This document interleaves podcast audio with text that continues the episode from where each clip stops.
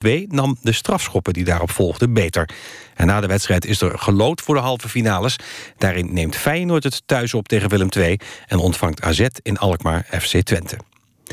Het weer. Er is kans op hagel en natte sneeuw.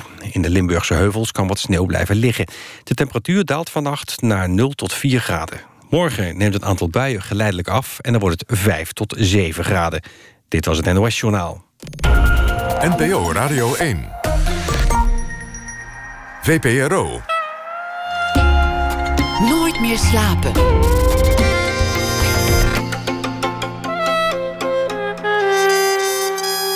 Met Pieter van der Wielen. Goedenacht en welkom bij Nooit meer slapen. Zometeen komt Robbie Duivenman op bezoek. Sinds jaar en dag verantwoordelijk voor de kostuums en de pruiken en de griem bij de Nationale Opera. Honderden opera's heeft hij zo van uh, kostuums voorzien. Komend weekende houdt eh, de opera een openbare verkoop. Een soort drie dolle dwaze dagen. En het is uh, een leuk inkijkje in een wereld waar je normaal weinig van ziet. Een kant van de kunst waar je weinig over hoort, maar die zeer belangrijk is voor het slagen van de voorstelling. Maar eerst blik ik terug en gaan we praten over Menno Wigman. Vandaag werd bekend dat hij uh, is overleden. Werd slechts 51 jaar. Was uh, vaak te horen in dit programma. Hij was uh, een vriend van het programma, zou je kunnen zeggen. Een zeer gewaardeerd dichter. Een amabel mens. En misschien wel de beste nog levende dichter die we hadden in Nederland. Twee mensen hier in de studio, allebei dichters. Allebei ook goede bekenden en vrienden van, van Wigman. Rob Schouten en Pieter Boskma. Welkom allebei. Dank je. Dank je. En gecondoleerd. Ja. Ja. Rob, het, uh, het, is, het is toch plotseling. Het Ja. was bekend dat zijn, dat zijn gezondheid eh, te wensen overliet. Hij heeft er ook een bundel over geschreven. Hij heeft er ook over verteld. En, en toch komt dit. Ja, ik schrok er geweldig van. Ja, ik hoorde het vanochtend en eh, ik wist wel dat hij ziek was. Maar ik wist ook niet hoe ernstig dat was. Hij, eh, daar kwam hij nooit zo goed achter. Ik denk dat hij het zelf ook misschien niet helemaal wist wat het allemaal. Nee, niet wilde weten. En ook niet wilde weten, nee. Eh, ik heb hem een, eh, tijdje geleden nog voor het laatst gezien. En toen probeerde hij daar toch niet over te praten, merkte ik. Maar eh, nee, het was voor mij echt een enorme schok vanochtend. Ja. Een tijdje terug had hij, had hij een soort nou ja, optater gekregen qua gezondheid. Ja. Poos in het ziekenhuis gelegen. Dat was ook de inspiratie voor, voor een bundel. Gek genoeg waren veel van die gedichten, bleek toen ik hem sprak, al geschreven voordat hij in het ziekenhuis belandde. Nou ja, hij schreef natuurlijk eigenlijk van, van meet af aan bij zijn eerste bundel al over de dood en over. eh, ja, het was een, een, een sombere dichter in dat opzicht. Dus ik heb vandaag nog eens in zijn werk zitten kijken. En eigenlijk zie je al van meet af aan dat hij daarmee bezig is. En eh, het wordt wat specifieker naar het einde toe. In die laatste bundel gaat het heel erg over zijn eigen ziekte. Maar hij, het, het, het kwam niet uit de lucht vallen wat dat betreft. Nee, ik, ik weet ook niet of het waar is. Want sommige van die gedichten in, in Slordig met geluk... Die, die gaan toch wel echt over die, eh, over die ziekenhuisopname, heb ik de indruk hoor. Dus, ehm, Nee, maar er staan ook wel gedichten in die daarvoor ja, zijn geschreven. Nou ja, goed, Menno is, is natuurlijk echt een, een, ja, hoe moet je het noemen? Een zwart romantische dichter. Ja. Eh, de thematiek van verval en vergankelijkheid, de dood, ziekte. eh, Ja. dat, dat zit er eh, eigenlijk vanaf het eerste gedicht van, van de eerste bundel in. Ehm, je ziet ook meteen van het begin af aan dat hij eh, ambachtelijk hè, of technisch heel gave gedichten schrijft. Dat ze een bepaalde eigen toon hebben, een, een, een bepaalde systemen zelfs, waar, waar, waar, waar ze zijn opge hoe ze zijn opgebouwd. Blij- dat blijft ook zo. En ook qua thematiek blijft het zo. Dus je ziet dan eigenlijk een heel coherent, eh, compact oeuvre. Het is niet enorm veel. Het is toch nog wel aardig wat. Ehm, maar ja, dat, dat is wel waar wat erop zegt. Het, het is, eh, ik, ik heb net in de taxi hier naartoe natuurlijk ook nog even wat zitten, zitten lezen. En toen viel het me eh, toch wel op dat, dat het eigenlijk nog wel somberder is dan ik dacht. En, en inderdaad, wat je zei, er zitten wel degelijk gedichten ook die over zijn hè, huidige situatie zoals die was eh, lijken te gaan. Maar die inderdaad daarvoor zijn geschreven. Dus ja, misschien heb je toch een soort profetisch eh, dichterschap. Of, of ga je gewoon zulke gedichten schrijven als je toch bang bent voor, eh, voor het einde. de en sterfelijkheid. ziekte. Ja, En, dat wa- en dat was hij zeker. Als je zijn gedichten leest, dan, dan voel je wel een soort doodsangst. Ja. En, eh, En die, die bedekte die denk ik ook met die gedichten. Of ook de angst om, eh, om niet meer te kunnen schrijven, Ja. bijvoorbeeld. Maar goed, ja. Dat was heel het ook laatst wel- heel erg, hè? Dat hij, Ja. dat hij, eh, dat Het- hij We moeten het dat ook het niet op was. somberder maken dan het is. Want het is natuurlijk ook wel zo... eh, eh, ja, het is een, ik ben eh, niet helemaal eh, helder altijd in dit soort situaties. Je wordt besprongen door herinneringen en allerlei gedachten over iemand... die je heel, ik heb hem heel lang gekend, weet je wel. Dus je kan ook niet zeggen, nou, die ken ik twee jaar. Dus ik heb daar wel een overzichtelijk beeld van. Ik heb natuurlijk Menno door de jaren gezien... En, eh, dan wil ik nu toch even ook een kanttekening plaatsen. Het is inderdaad niet. Het zijn geen vrolijke onderwerpen waar hij over schrijft. Maar er heeft toch heel lang ook wel, wel een, een, een, een grappige of botte. Hè. Hij kan af en toe ook best wel, wel vrij grof uithalen ineens. En dat, het heeft toch ook wel een zekere geestigheid of een zekere lichtheid. Dus dat, het was een man met veel humor en, Ja, en ja. in Ik dacht in het begin met name, persoon zag zeker. ik ook de ironie in zijn werk heel sterk. Hè? Dat, is, dat begon er later misschien in de laatste bundel wel wat af te gaan. Nou, Maar, als eh, persoon heeft hij precies... Ja, goed. Nou, je maar kon ja. geweldig lachen met Menno Ja. natuurlijk. Het was ook eh, buitengewoon innemend en, en gezellig iemand. Hè. Ik, ik vond Menno altijd heel erg gezellig, omdat hij had altijd allerlei anekdotes. In die zin had hij wel iets van Jean-Pierre Ravi. Die, eh, die had ook altijd veel anekdotes. Ja.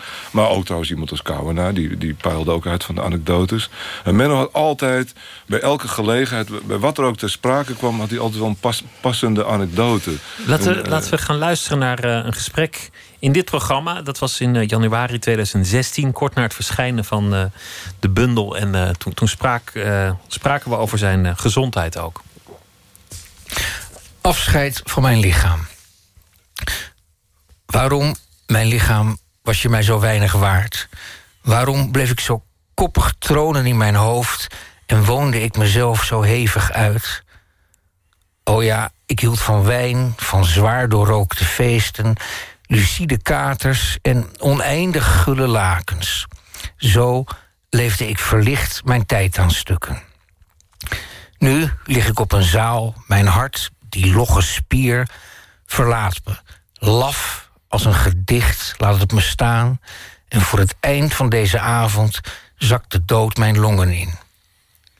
De zon was mij nooit opgevallen als hij niet steeds onderging. Geen lucht, geen flonkering, geen hoop. Waarom, mijn lichaam, heb ik nooit in je geloofd? Daar zit heel veel in, in, in dat gedicht. Ergens schrijf je ook... was de poëzie maar nooit in mijn leven gekomen. Betreur je zelfs dat je, dat je dichter bent geworden. Is, is dat oprecht? Heb heb je, heb je echt twijfel aan, aan, aan op dit moment in je leven... dat, dat het einde wat dichterbij lijkt dan, dan het voorheen leek? Dat je denkt, heb ik het eigenlijk wel goed gedaan? Nou, eh, eh, ik, eh, ik, ik, heb, ik heb nog. Het is nu begin van een nieuw jaar, maar ik heb nog steeds moeite om in dit nieuwe jaar te landen. En ik zit ontzettend veel te overdenken. En ik denk eigenlijk sinds een week of twee, maar, dat, maar al langer, dat ik misschien verkeerd heb geleefd. En ja, was het het, allemaal, was het het allemaal waard, die poëzie. Ik zie toch dat het, eh, dat het ook veel. ehm, dat dat heilig vuur dat je zo rond je 16e, 18e hebt. dat dat ook heel veel mensen eh, ongelukkig heeft gemaakt. Een periode van twijfel was het. Hij, moest, eh, hij, dronk niet meer, hij leefde gezond, hij eh, Mhm. ging het anders doen. Maar, maar hij, hij dichtte wel, nog, nog zeer geïnspireerd. Menno was een heel precieze dichter. Hè? Hij deed er ook best lang over, geloof ik. heel. Eh, ik. Ik ben zelf veel slordiger. En, eh, dat En veel twijfel. Dus hij, ja, hij was heel erg aan het componeren, echt. Dat is echt iets waar ik eh, ook bewondering voor heb in, in zijn werk. Dat zie je ook heel erg. Hè? Het is heel erg Ja. m- mooi. zi- Hij is een van de weinige dichters van wie je zinnen onthoudt. Regels, ja, ja, quotes. En eh, hij zat heel, bij mij weten heel lang te plussen en te minnen voordat hij een gedicht afvond. Dus hij in maakt de het zich ook niet makkelijk als dichter. in de kantlijn eh, eh, bij bijna elke regel drie of vier varianten. Ja. En, en dan soms zo erg dat, dat hij echt niet meer kon kiezen. En dat iemand anders dan daarbij behulpzaam moest zijn. Dat heb ik wel merkwaardig gevonden. Terwijl zijn gedichten, als ze er eenmaal zijn, dan, dan, dan waren ze altijd zo volmaakt. Ja, lijken ze dat, dat, je niet, onontkoombaar. dat, dat je niet kunt Nou, daar voorstellen dat heel- het anders Daar zou werd heel lang aan gewerkt. Ja, Eh, eh, eh, schaafde kijk tot, maar tot hoe het laatst. Ja. Kijk maar hoe het loopt. Je moet goed, het- was voor hem, net als voor mij, ook eh, belangrijk dat, eh, zoals men het noemde, het moet wel swingen. Dus een gedicht moet, het moet wel een zekere schwung, een zekere cadans, een zekere muzikaliteit eh, hebben. En daar besteedde hij heel veel aandacht aan. Er zijn maar heel weinig passages bij hem waar je even struikelt in het, in het ritme, zeg maar. Die zijn er wel. Eh, die herken ik, omdat het bij mij ook zo is. Het lukt je nooit om het helemaal eh, gaaf te krijgen, zeg maar. En dat moet ook niet. Ik denk dat dat ook niet moet. Dat, dat kan zelfs als bezwaar gelden. Als je te veel gaat polijsten, dat, dan, dan, dan kan je het ook helemaal dicht smeren... En, en de lucht eruit persen. Dus er moet natuurlijk wel ergens iets blijven wringen. Dat is helemaal niet erg. Maar bij hem is dat eh, tot een minimum teruggebracht. En dat maakt het inderdaad tot een mooie, mooie poëzie. En wat ook goed is bij Menno, vind ik... eh, en, maar goed, ik wil het ook niet alleen maar over dat werk hebben. Ik, ik, ik ben vooral geschokt, eh, nog steeds, en aangeslagen... omdat een vriend dood is, weet je wel. En dat werk, ja, natuurlijk is het een dichter. En, maar wij spraken natuurlijk ook over, heel veel andere dingen. Maar ehm, eh, wat, waar, waar was ik nou aan het zeggen? Nou ja, Nou ja, hoe goed het liep. Eh, ja, Weet je wat? Ja, ik vind toch zijn dichterschap. Ik, het was voor mij ook een hele goede vriend. Ik sprak hem regelmatig. Ik heb bloemlezingen met hem samengesteld. Maar ik, eh, ik vond Menno wel een echte dichter. Ook iemand die niet Ja. columns schreef. Of Nee, eh, aan een roman zat te denken. Of allerlei andere literaire Precies. activiteiten Ja. ontwikkelde. Hij heeft een paar hele leuke, eh, mooie boekjes geschreven. hè, het gesticht eh, over ervaringen. Dat is heel goed gedaan. Maar hij is toch in Ja. een, een van de weinige pure dichters Ja. in Nederland geweest. Ja. Ja. jij bent het ook. Ik doe ook niks anders. Jij doet ook niks anders, maar dat is toch dat is ook een keuze natuurlijk, hè?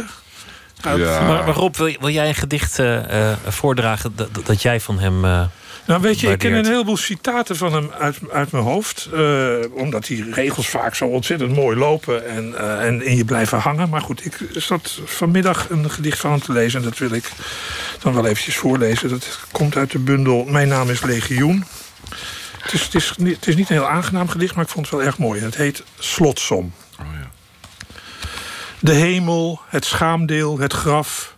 Niet nu. Nu even niet. Mij gaat het om de straat. Hoe elke stap je tot een prooi verlaagt.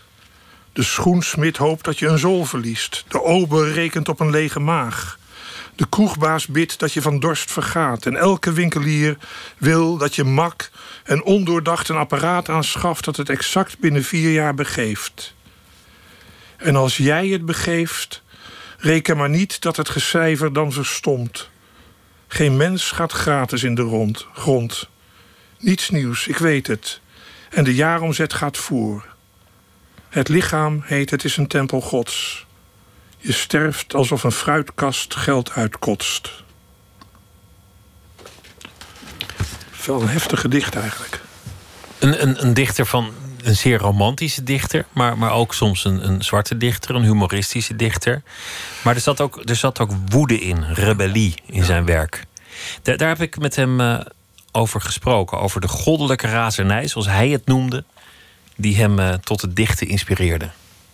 Kijk, als ik, als, ik, als ik een volstrekt tevreden mens was geweest, waarom, had ik, waarom zou ik dan überhaupt eh, in zoveel bochten wringen om er een gedicht uit te kunnen krijgen? Mijn god, er zijn wel wat, wat, wat, wat, wat prettiger dingen te verzinnen. Ja. Maar ik moet, niet, ik moet niet ontkennen dat eh, de euforie, als eenmaal de laatste regel er staat, die is, eh, ja, dat, dat is eigenlijk met niets te vergelijken. Dat, eh, ja, Daar gaat het eigenlijk om. daar Daar, gaat het ging het eigenlijk om. om. Ja. Dat ene gedicht dat staat en, en blijft. En als je nu je, je, je, je oude werk terugkijkt, want, want dat is iets wat je volgens mij helemaal nooit doet. Nee, Een oude bundel uit de kast pakken en, en kijken hoe het eraan toe ging in, in eh, 2002 of, of, in, Hmm. of in 1997 of, of, of weet ik wanneer. Zou, zou je dan tevreden zijn met dat gedicht? Staat het nog? Zou je misschien overvallen zijn zelfs door, door de schoonheid van je eigen werk? Ik denk wel dat ik heel erg, dat ik mezelf heel erg heb gegeven. En ik, nou, ik lees, ik kom wel eens een gedicht, gedicht van mezelf tegen als het bijvoorbeeld in een bloemlezing staat en zo. Ja, ik heb het best gedaan. Ook een bescheiden man, uiteindelijk, Pieter. Ja, Mm, eh, ja, naar buiten toe wel. Maar Naar binnen toe niet. nou, Ah, jullie waren vrienden, jullie gingen, jullie gingen op, op café en jullie, jullie spraken elkaar in alle omstandigheden. Ja, dat, Dat maakt verschil. Dat maakt zeker verschil. En dat, dat, dat zal ik ook heel erg missen. Ik zal het ontzettend missen. Dat Menno is een van de weinigen waar ik met grote regelmaat eh, eh, sprak, lang. Over de telefoon vaak, maar ook wel, wel eh, als we elkaar ontmoeten, over poëzie. Over poëziewereld, over dichters, wat er gaande was, wie dit had gedaan, wie dat had gezegd. Menno was altijd vrij goed op de hoogte, volgde het ook redelijk. Tot, tot de laatste jaren misschien iets minder.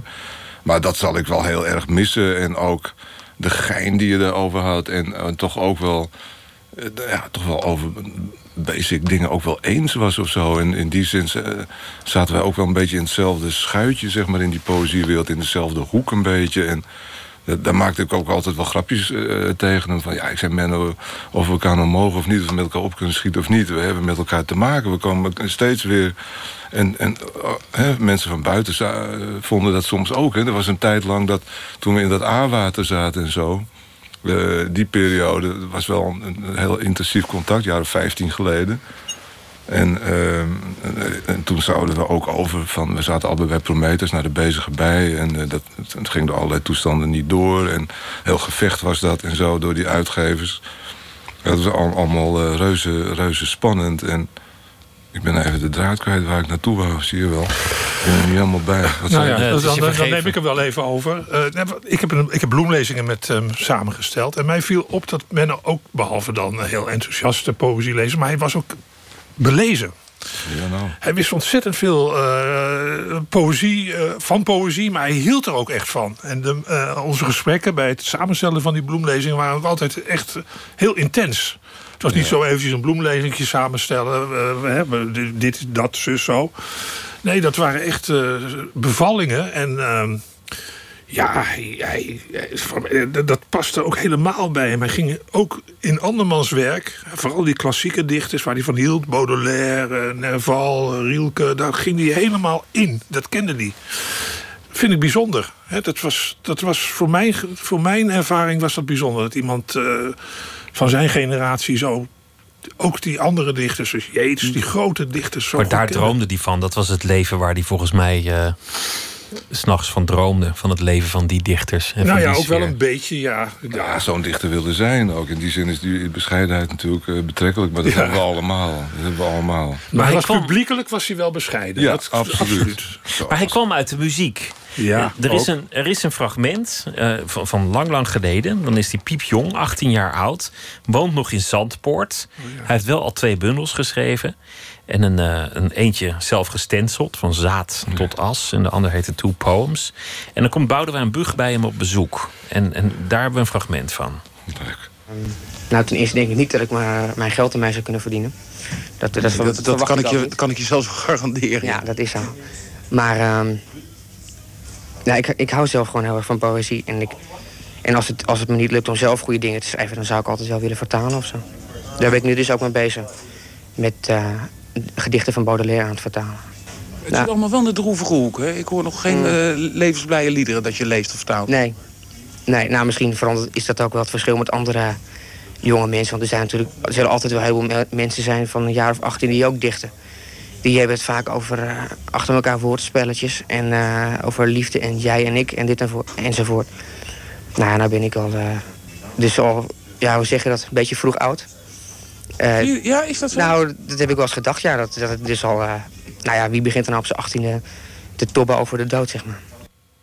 Het klonk alsof het te snel werd afgespeeld, maar dat, dat, is niet zo. Het Nee, hij, hij, was, dan, is- dan is zijn stem wel echt veranderd hoor. en hij was denk ik een beetje opgewonden dat hij, dat hij eh, werd geïnterviewd. Dan, ja, Oké. ja, Ja, ja. hij was hartstikke jong zeg. Ik sta ervan te kijken dat Ja. Boudewijn Buug op die leeftijd al eh, als Grappig. interviewer had. Ja, ik ken, Ken- kenden jullie hem toen al? Gaan Nee. jullie zo ver ik terug? ken hem eh, eind jaren tachtig, denk ik. Ja, of, Niet, niet zo eh, heel veel later dus. de- nee, niet heel veel later. Ik ken hem van voor zijn debuut. Ja. Ja, ja, ik ook. ja. Ja. Maar hij was al wel bezig hoor. Hij had al stukjes geschreven ook over andere dichters. En hij had vertaald, hè? Hij vertaalde ook wel. Hij, zat echt, hij is echt volgens mij zijn hele leven uit poëzie geweest. Als ik het nu goed Nou, hij was er eigenlijk ehm, hij heel jong begonnen. En een beetje teleurgesteld geraakt en was eigenlijk mee gestopt. En uh, ik zat inmiddels uh, bij Prometheus in 1996. En toen vroeg uh, de directeur, toenmalige directeur, Plien van Albada, of ik een manuscript wilde lezen. En of ze dat uit moest geven. Dat was van Menno. En ik kende Menno al, we waren al bevriend. Dus ik zei, dus even gekeken en ik, ik, zei, ja, dat zou, zou ik wel doen. En zo is hij toen ook daar, daar beland. Maar later zei hij altijd tegen mij... Uh, jij hebt me weer aan het dichten geholpen. Ik zei, hoezo dan? Uh, ja, door die bundel, uh, die was vlak daarvoor verschenen. Er was een bundel van mij verschenen in 95. simpel heelal. En da, da, daar was hij blijkbaar door gegrepen. En ik, ik dacht, nou, het zal wel, het zal wel. Hè, dat, je wordt altijd een beetje ongemakkelijk van dat soort dingen. Maar toen ik van, vandaag die bundels nog eens uit de kast trok... zag ik dat inderdaad voor in mijn naam is Legioen, dat hij dat een opdracht in heeft gezet waar hij niet dat ook zegt. Dus uh, hij meende dat blijkbaar. En uh, nou, dat vind ik natuurlijk alleen maar fantastisch als dat zo is. Dat, dat, hij, dat hij het niet meer zo zag zitten met die poëzie. En toen bij toeval een bundel tegenkwam van iemand. Uh, ja, waarvan die, toen, toen heeft hij blijkbaar gedacht: oh ja, ja. Er zit toch wel wat in. Er zit toch wel wat in. Die poëzie is misschien toch wel laat ik het toch nog weer eens proberen of zo. En, uh, ja. Dus uh, dit, dit, zeg ik niet om mezelf op de borst te kloppen... maar uh, hij was maar, dus maar heel dat, jong dat... begonnen... en ook en toen weer vrij snel geraakt gefrustreerd en geraakt en er geen zin meer in. En dat sluit ook wel aan eigenlijk weer bij het fragment wat je net liet horen... wat hij daar zelf over zegt. Dus ik herken dat enorm goed. Ik... mijn vorige dierbare doden, toen, toen zat ik ook hier of elders bij, bij Joost... Joost Zwaagman. En, uh, dat was ook hier. daar zei ik, uh, een van de laatste keer dat ik Joost sprak...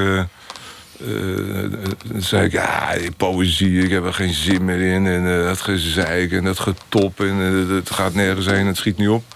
En toen zei Joost heel droog, ach Pieter, dat hoor ik al twintig jaar. Dus, dus daarom herken ik dat bij Menno, denk ik, zo goed. En we hadden het ook heel veel over dat soort dingen. En, over uh, doorgaan en de ja, ik wil nog, wat jij ook zei over dat... Uh, Menno kon heel breed waarderen wel. Hè? Ja. vrij breed waarderen. Maar hij was toch ook wel wel kritisch hoor. Oh, en vooral de laatste jaren. De laatste jaren over allerlei moderne over poëzie die de laatste tijd verscheen. Hij las het ook, hè? Het was niet zo dat hij daar maar in het wilde weg wat over zei. Nou, hij voelde hij wel dat, er, eh, dat, er, dat, dat het zijn poëzie vaak niet was. Nee. En, helemaal uh, niet zelfs. Helemaal niet. Hij en, vond dat het niet swingde, dat het, dat, dat het eigenlijk. Nou, hij was eigenlijk wel van, de, van, de, van, de, van het, het goed uitgesproken woord, de mooie. Het was maar, een estate, wat mij betreft. Ik vond, ik vond Menno het, het sterkst als je hem zag voordragen. Dan, dan, dan kwam er nog een extra dimensie ja, aan zijn waar. werk. Het was ja, poëzie is ook een beetje een podiumkunst geworden, gek genoeg, lijkt het wel. Het zijn toerende artiesten, de dichters. Maar Menno op een podium, ik heb het meerdere keren gezien en meegemaakt. Hij, las het, uh, hij, las, hij droeg voor. Ja. een heleboel dichters, uh, ikzelf ook, die doen het vrij slordig, geloof ik. Die mompelen en die schamen zich bijna. Maar hij droeg voor. En hij gebaarde ook erbij. Ja, het, het, dus het was voor hem uh, de, de... Ja, hij tikte bijna uit, de maat. Ja. Je kan zien dat hij een drummer uh, ook uh, was. Het, uitspreken van zijn poëzie hoorde er heel erg bij. Ja. Pieter, wil jij nog een, een gedicht ja, van hem voordragen? Ja, na al die somberheid waar we het over hebben gehad... was ik eigenlijk wel verheugd toen ik zag dat het laatste gedicht in zijn laatste bundel... en ja, het is eigenlijk ook mooi om daarmee te eindigen, denk ik... dat dat wel meevalt qua somberheid... Uh, het heeft een, uh, een, motto van Rielke. Grote uh, voorbeeld voor Menno. Rumen, dat is het. Dus je moet het allemaal roemen. Het gedicht heet Oneindig wakker. Mooie dingen. Allemaal mooie dingen. Je hand die voor het eerst een kattenvacht streelt. Je moeder die bezorgd je knie verbindt. Zes moe gedraafde paarden in de zon. Het onweer waar Augustus mee begon. Diana's hand die naar je broek afgleed. Haar lichaam waar je blind de weg in vond. De kleur van een kwatrijn van J.C. Bloem. Nick Cave die dwars door Paradiso zong. Een woord als moerbij, huisraad, raffelijn. De vondst van een nog net niet schurftig rijm. Mooie dingen.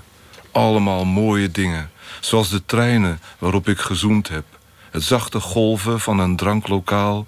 Een meisjeskamer die naar adel geurt. Het wonder dat geen dag zich ooit herhaalt. O, mooie dingen. En mijn mond benoemt het, voor ik me met het domme zwart verzoend heb. De levenslust ook van uh, mooi. Menno Wichman. Ja. En de, de, de romantiek ook kant die bij hem hoorde. Een, eh, een droevige dag vandaag, een, een, droevige afscheid. En dank dat jullie allebei wilden komen om over jullie vriend te praten. Rob Schouten en eh, Pieter Boskma. Menno Wichman. En eh, laten we hopen dat zijn poëzie nog lang gelezen zal worden. En we draaien muziek die, die hem dierbaar was. Love Will Tear Us Apart van Joy Division.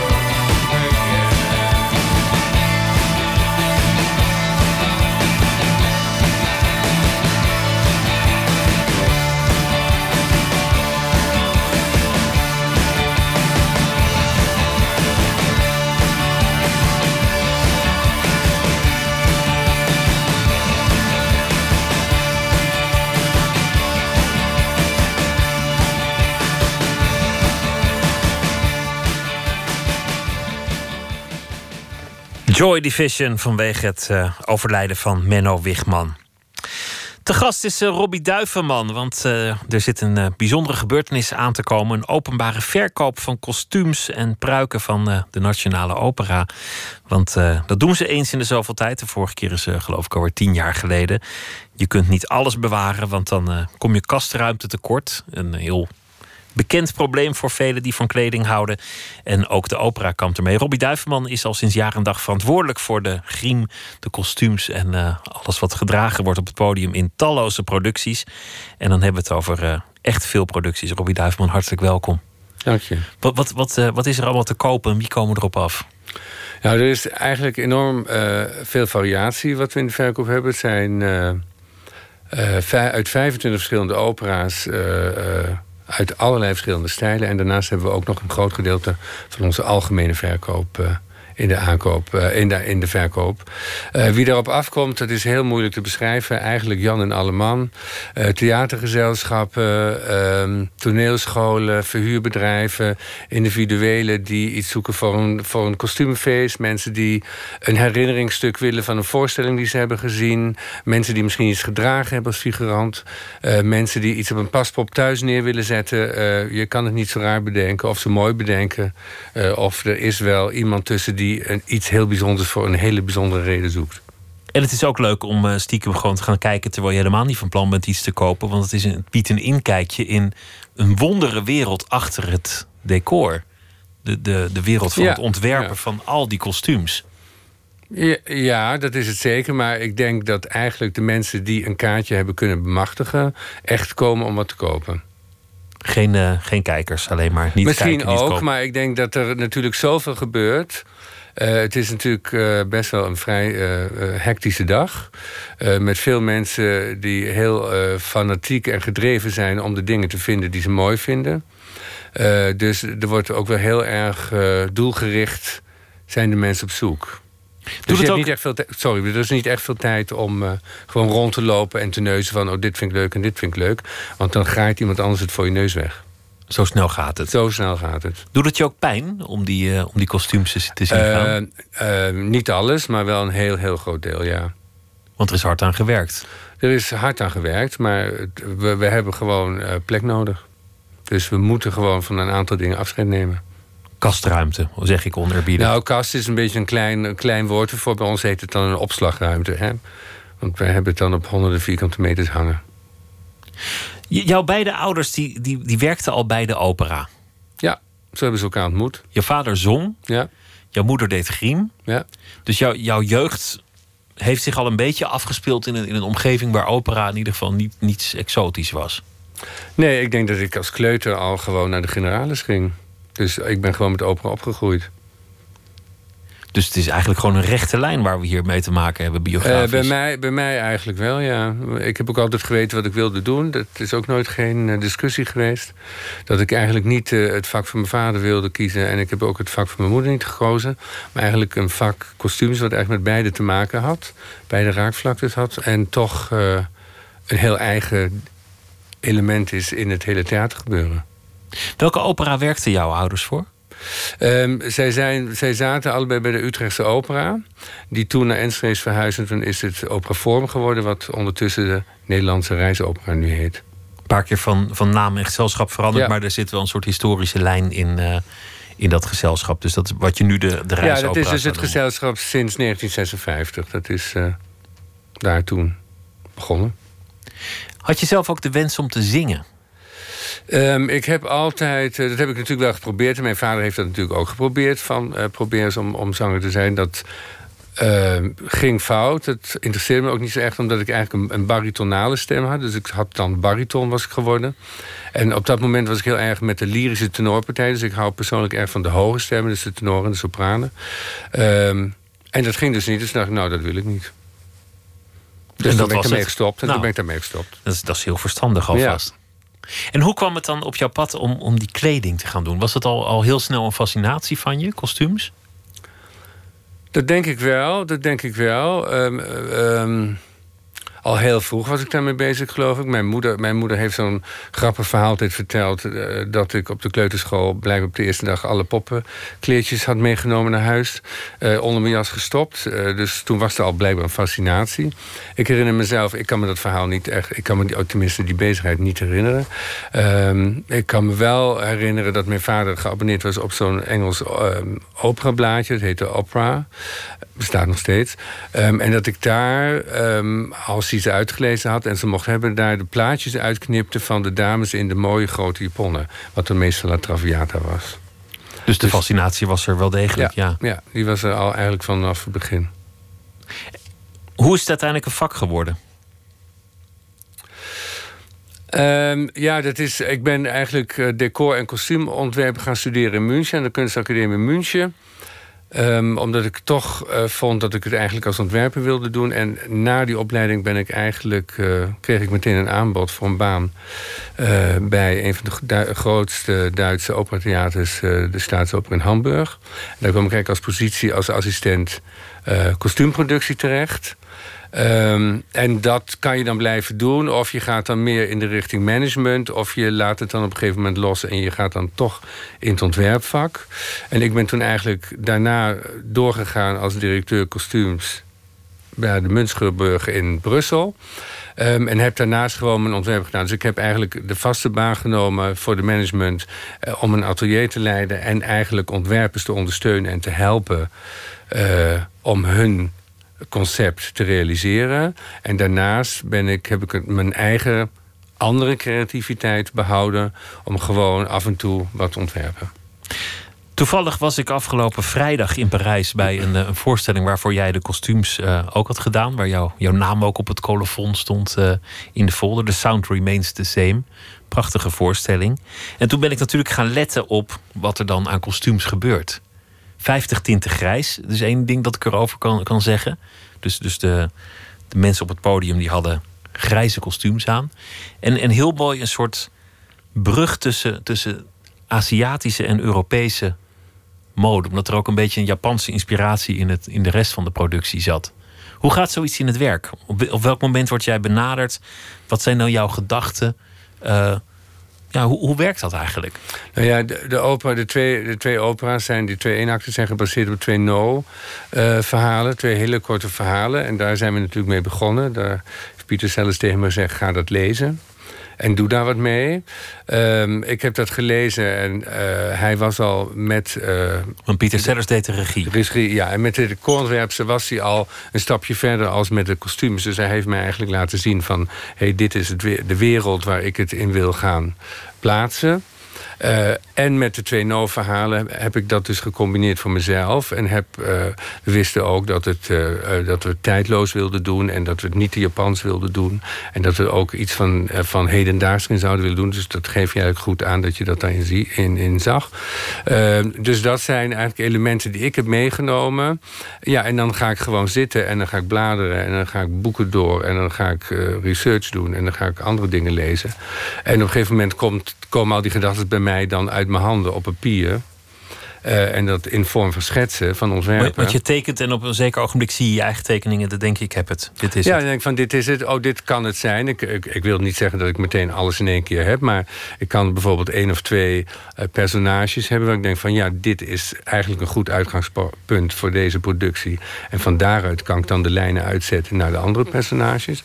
En op het moment dat ik dan denk van... Oh, ik heb voldoende om het te kunnen uh, bespreken met de regisseur. Um, om te kijken van, is dit inderdaad zijn, zijn ingang?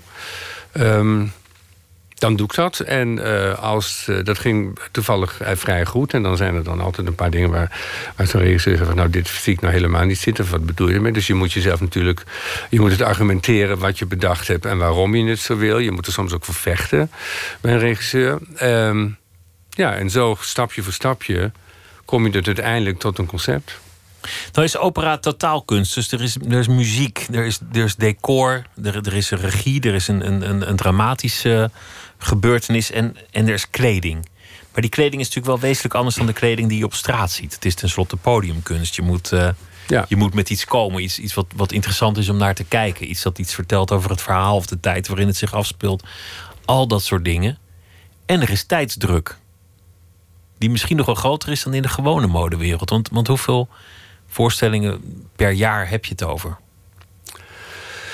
Uh, nou, we doen tussen de 10 en de 12 of 14 producties per jaar. En dat hangt natuurlijk heel erg af hoe groot zo'n productie is... en hoe ingewikkeld en hoe complex die is... en hoeveel kostuums erin zitten.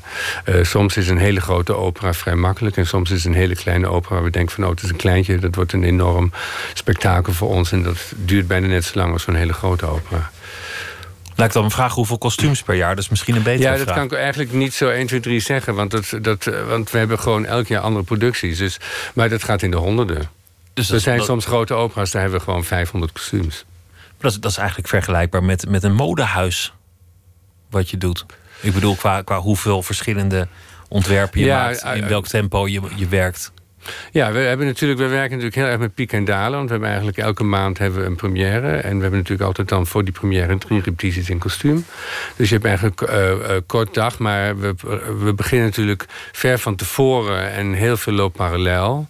Uh, dus het is niet zo, we doen één productie en dan beginnen we de volgende. Nee, we zijn nu al bezig tot, met tot eigenlijk al in november van dit jaar aan het voorbereiden van producties.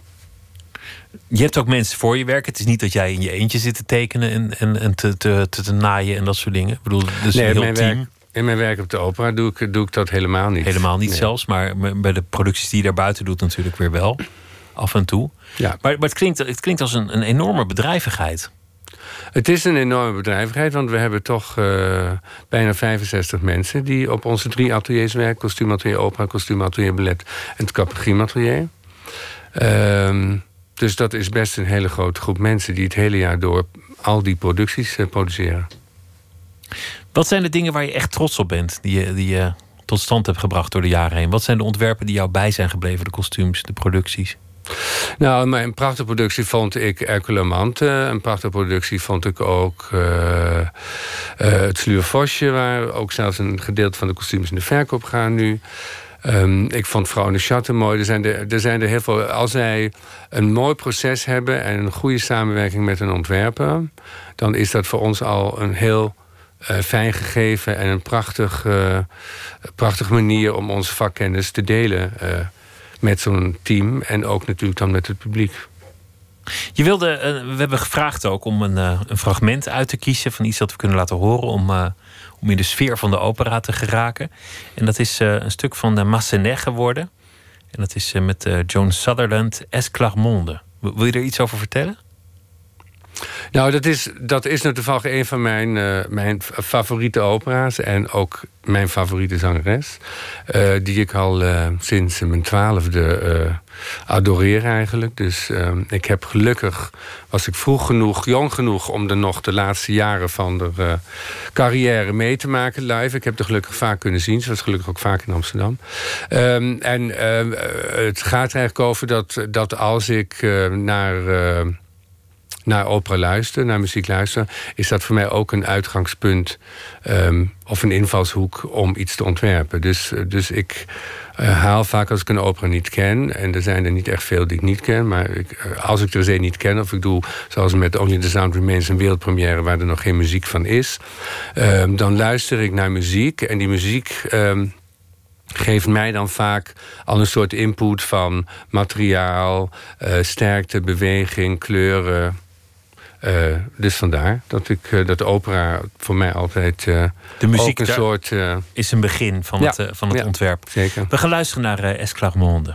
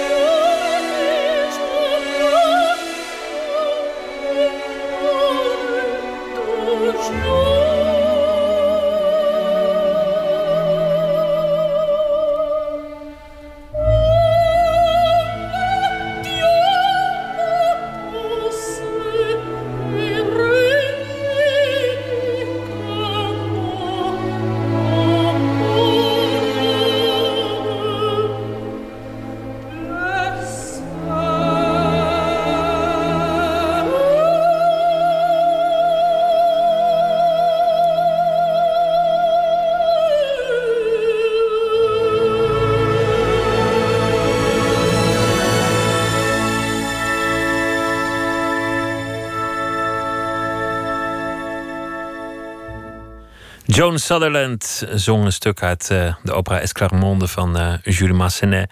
Robbie Duivenman is hier te gast. Hij is verantwoordelijk voor de kostuums en de griem en de, de pruiken en de kapsels en alles dat komt kijken op dat vlak bij de opera. Opgegroeid ook in de opera, dus dit is eigenlijk ook een taal die jij volkomen beheerst. Die, die jij begrijpt, waarin je leeft. Ja, dat uh, is, is het zeker. En het is natuurlijk ook een hele eigen wereld.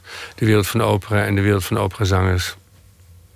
Je, je zei, ik heb Joan Sutherland veel gezien, maar je hebt volgens mij een, een, enorme kennis van opera inmiddels. Ja, ik heb natuurlijk ontzettend veel gezien. En ik, en ik moet zeggen, tijdens mijn uh, studietijd in München stond ik elke week of meerdere avonden per week op mijn, stapla, op mijn sta, sta, steeplaats, zoals het op zijn Duits noemen, voor acht uh, Duitse mark, stond ik altijd naar alle opera's te kijken, naar alle grote zangers en dirigenten uh, toen de tijd. Dus ik heb echt heel veel gezien. En ik, ik ben natuurlijk gewoon sinds, sinds, sinds de kleuter ben bezig met, met opera. Mijn buurjongen kreeg voor zijn verjaardag een LP van de Rolling Stones van mijn ouders. En ik kreeg de highlights van Rigoletto. Om maar aan te geven hoe, aan te hoe, hoezeer je erin bent grootgebracht. En die passie is nooit minder geworden. Het is, het is altijd nee. even, even vurig gebleven. Nee, die passie is, uh, is uh, nooit minder geworden. En de passie voor kostuums eigenlijk ook niet.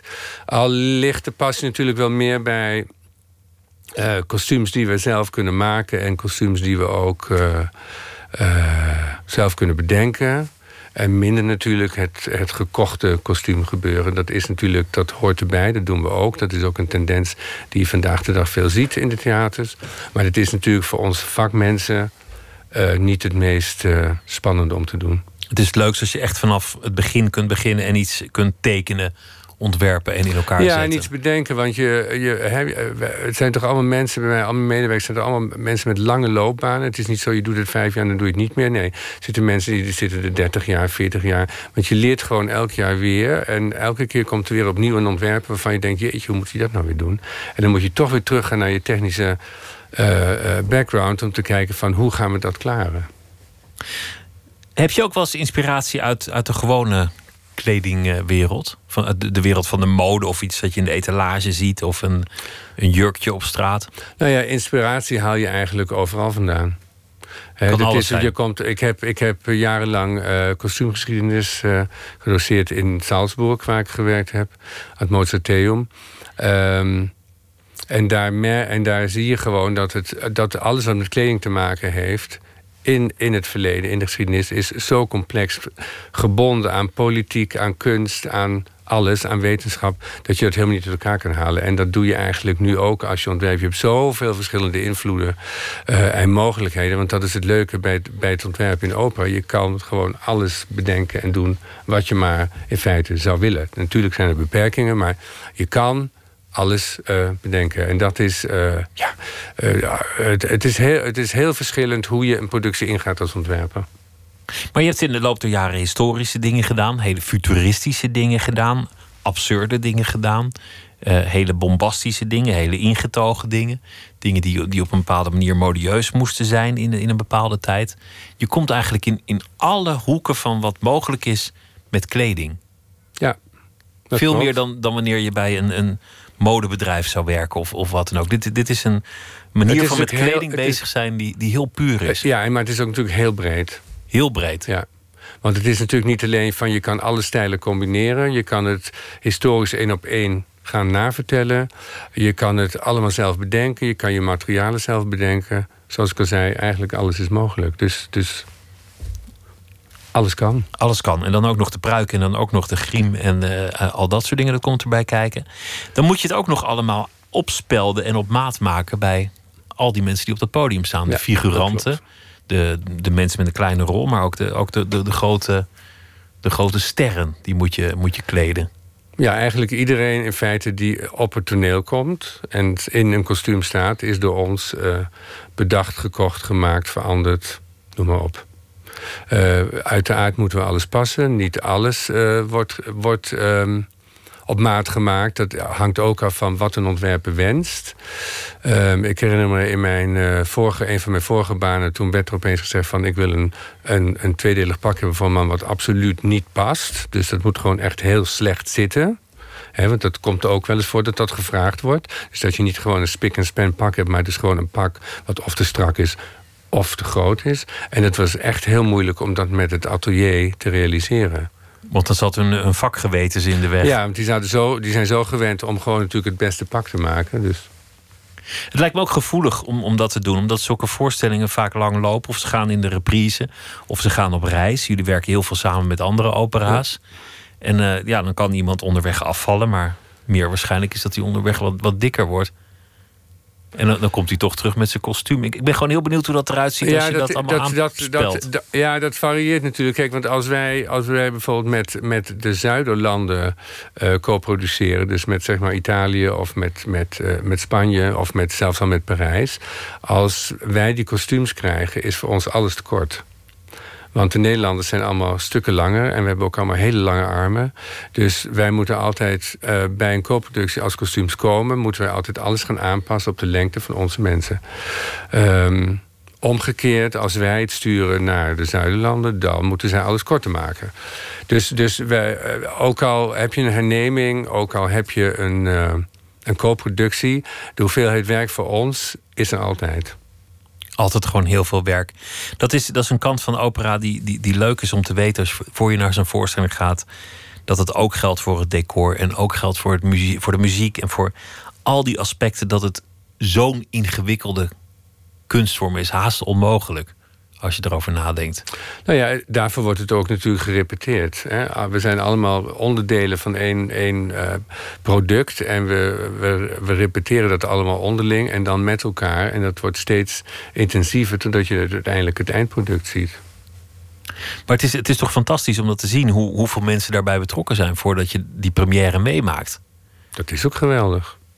Ja, dat is voor ons, als wij dat voor de eerste keer uh, met alles tegelijkertijd op het toneel zien. Want wij komen er met onze kostuums eigenlijk als laatste bij. Dan is het licht er al, dan is de decor er al. Ze repeteren in het decor. Dus als wij daar dan nog bij komen met onze kostuums en kampergriem... Uh, is dat natuurlijk uh, een belevenis. Om dat te zien. Ga je ook, ga je ook altijd weer. naar de première toe? Ja, meestal wel. En dan, dan, vind ik heel belangrijk. Want dan zie je voor het eerst of het gelukt is, of het, of het allemaal bij elkaar nou, komt. ik kijk, ik, ik kijk natuurlijk altijd... Ik kan nooit achterover zitten en van... oh, laat ik lekker genieten. Dat kan ik alleen doen als ik naar een andere open ga waar ik niet aan gewerkt heb. Uh, maar als het natuurlijk een productie is bij ons in huis dan blijf ik daar kritisch naar kijken. Soms ga ik ook naar een latere voorstelling om te kijken of het er nog goed uitziet, of dat de dingen niet meer zo goed zijn. Um, en dan moet ik daar wat aan doen, maar bij zo'n première kan ik wel kijken van ja, oké, okay, het is prima zo. Ik kan het loslaten en we gaan naar de volgende. Het is dus uh, komend weekende, de drie dolle dwaze dagen van de Nederlandse opera. Een uh, openbare verkoop van, uh, ja, van allerlei dingen die ooit gedragen zijn bij producties. Van jurken van de grote diva's tot pakken, tot nou ja, andere requisieten op het gebied van kleding en hoofddeksels en, en pruiken. Een, een, een, fantastisch gebeuren. Ik wens je heel veel succes daarbij en hartelijk dank dat je te gast wilde zijn om te vertellen over je vak. Ja, dankjewel. dankjewel. Heel leuk. Robbie Duivenman. En we gaan uh, luisteren naar Michelle Negociello. Want het is een van de grondleggers van de hedendaagse soul. Een Amerikaanse zangeres en bassiste. En dit uh, nummer heet Tender Love.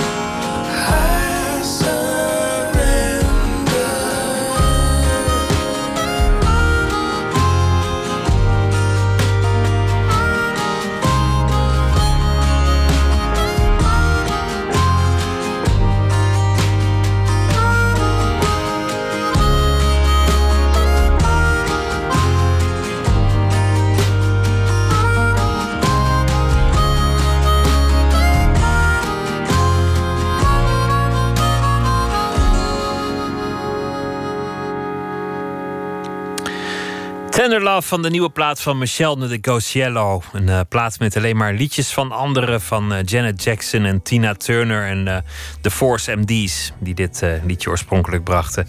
Tender Love was dat. En het album heet Ventriculism. Een ingewikkelde titel. Half maart zal dat verschijnen.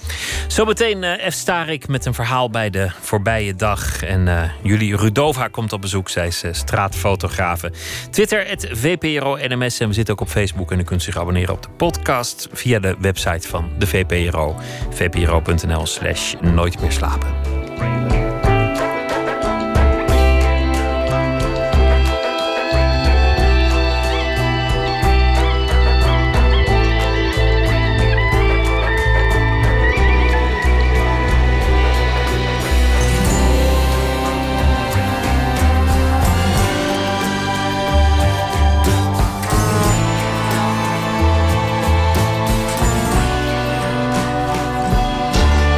Radio 1. Het nieuws van alle kanten.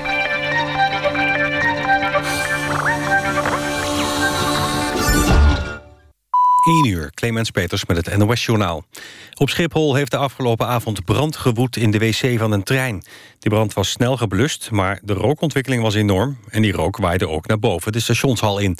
Na korte tijd kon het treinverkeer hervat worden en de hal is ontlucht. Techbedrijf Apple heeft een record laatste kwartaal van 2017 achter de rug.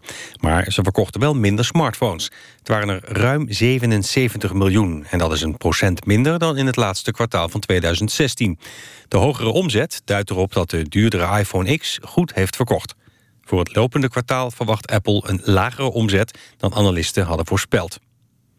Bij een vechtpartij tussen migranten in de Noord-Franse havenstad Calais zijn 13 gewonden gevallen. Vier van hen zijn in levensgevaar. Aanleiding was een ruzie tussen Afghanen en Eritreërs. Volgens de Franse politie gingen zo'n 100 mensen met elkaar op de vuist. Er is ook geschoten. In en rond Calais leven honderden vluchtelingen. Ze willen naar Engeland en ze proberen daar te komen via vrachtwagens of treinen. Kruiden- en specerijenketen Jacob Hooi roept alle abrikozenpitten terug naar de winkel. In een onderzocht monster is een grote hoeveelheid waterstofcyanide gevonden... en het eten daarvan kan levensgevaarlijk zijn. Gisteren maakte er een andere keten, Erika, om dezelfde reden bekend... dat de abrikozenpitten terug naar de winkel moeten.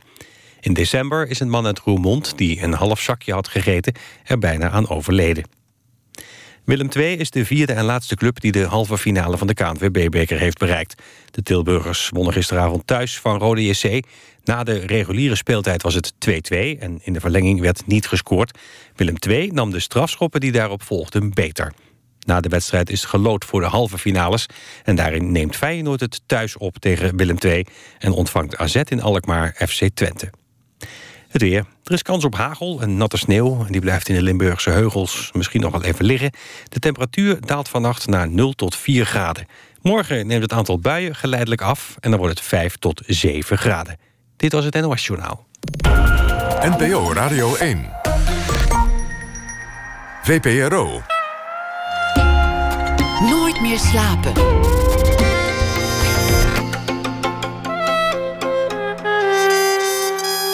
Met Pieter van der Wielen. U luistert naar Nooit meer slapen. Julie Rudova komt zo meteen langs. Zij is uh, straatfotografe en ze kijkt ook veel naar foto's van anderen. En dan ontdek je soms patronen.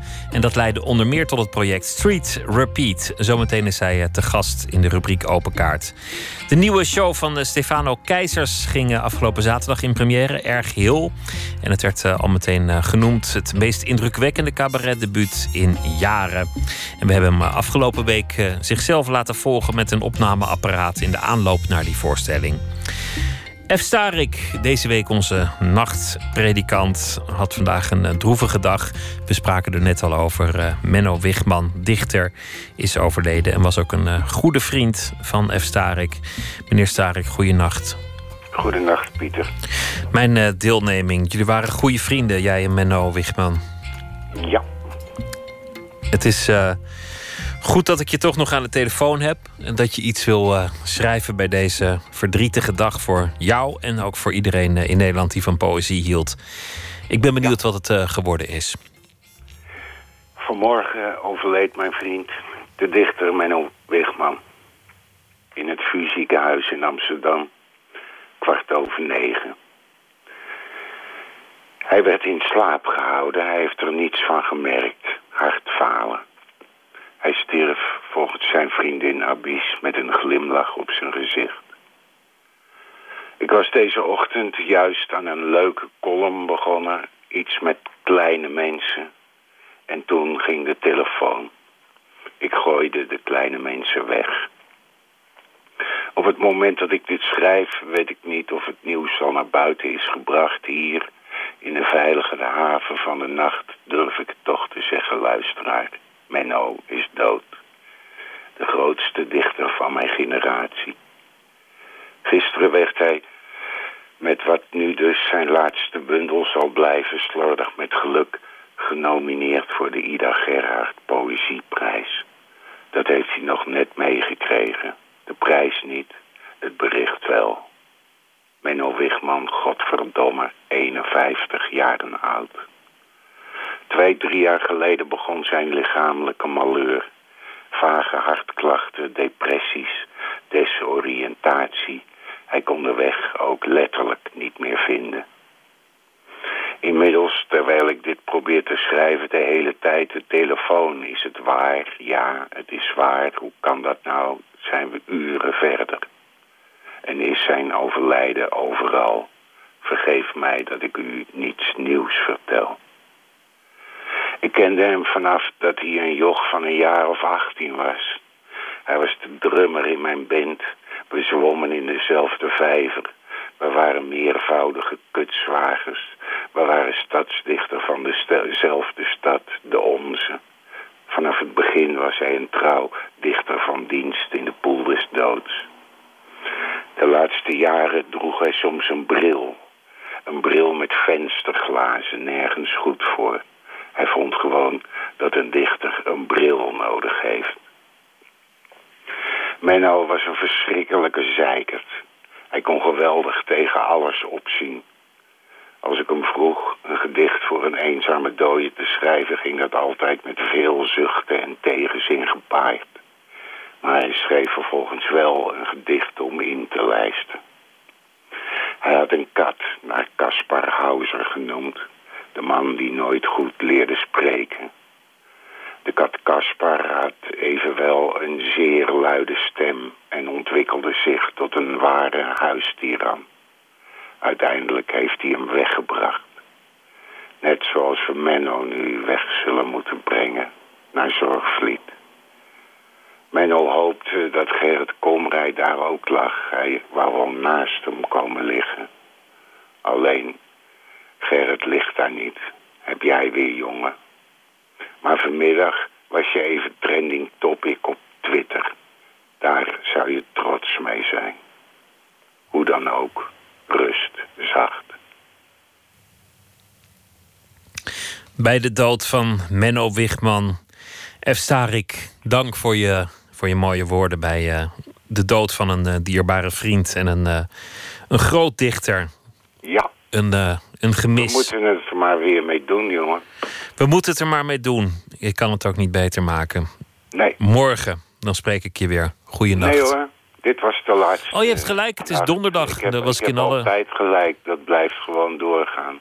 Ja, Dan spreek ik je de vorige, volgende keer weer. Eh, daar verheug ik me op, jongen. F. Starik. Dag. dank.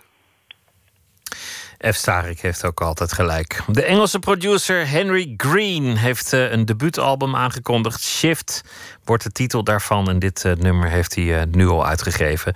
Another Light.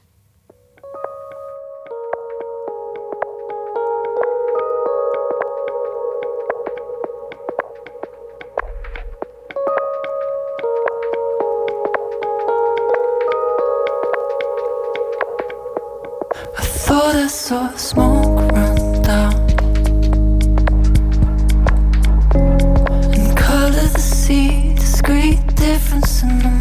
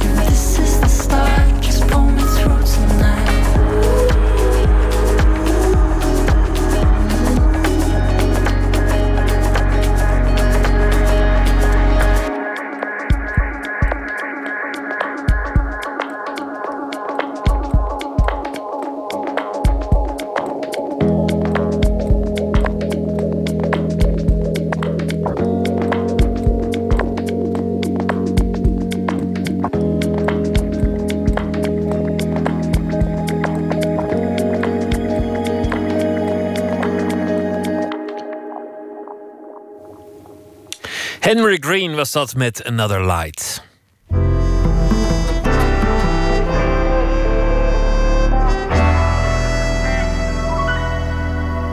De rubriek heet Open Kaart. 150 vragen over werk en leven. En te gast is fotograaf Julie Rudova. Ze heeft zich min of meer gespecialiseerd in de straatfotografie. De interesse is dat het zich niet laat anseneren. Haar foto's vertellen verhalen die eh, misschien niet meteen op het eerste gezicht voor een ander zichtbaar zouden zijn. Die fascinatie vertaalt zich ook naar een nieuw project. Want ze zag veel foto's van anderen en het viel haar op dat daar soms patronen in te ontdekken zijn. En ze heeft nu een, eh, een Instagram-account gemaakt met vergelijkbare foto's. Street Repeat. Eh, Julie, hartelijk welkom. Dank je. Wat, wat, wat, wat zijn dat voor, eh, voor foto's? Le- leg eens uit. Wat, voor repetities dat zijn. Ja, het, zijn niet, het is wel het genre van straatfotografie. Dat vind ik altijd heel moeilijk om dat uit te leggen wat het precies is. Want het hoeft niet per se de straat te zijn. Het kan ook een zwembad of het strand. Maar ik, probeer het dan een beetje te omschrijven als fotografie die- niet geanceneerd is in een publieke ruimte. En ehm, ja, eh, je hebt tegenwoordig heb je best wel veel stromingen en stijlen. En ik denk omdat we zoveel ook op Instagram zitten en op eh, ja, sites waar je heel veel foto's ziet, dat we elkaars werk onbewust en bewust tot ons nemen en daardoor hetzelfde soort dingen gaan eh, laten zien.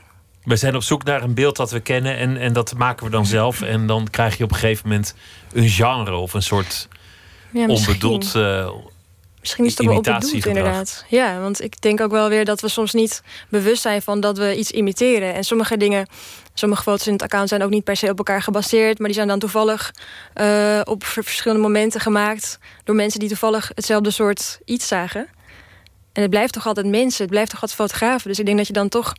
Ik denk als er eh, ja, drie, drie straatfotografen of überhaupt fotografen in de stad rondlopen en er zit een eh, man verkleed als een wit konijn op een bankje, dan zullen ze hem waarschijnlijk wel fotograferen. Dus dat, dat is een soort fascinatie, denk ik. En die. ehm, ja, ik denk dat je gewoon heel veel om je heen ziet, ook andermans werk. En dat je dat dan, dan toch.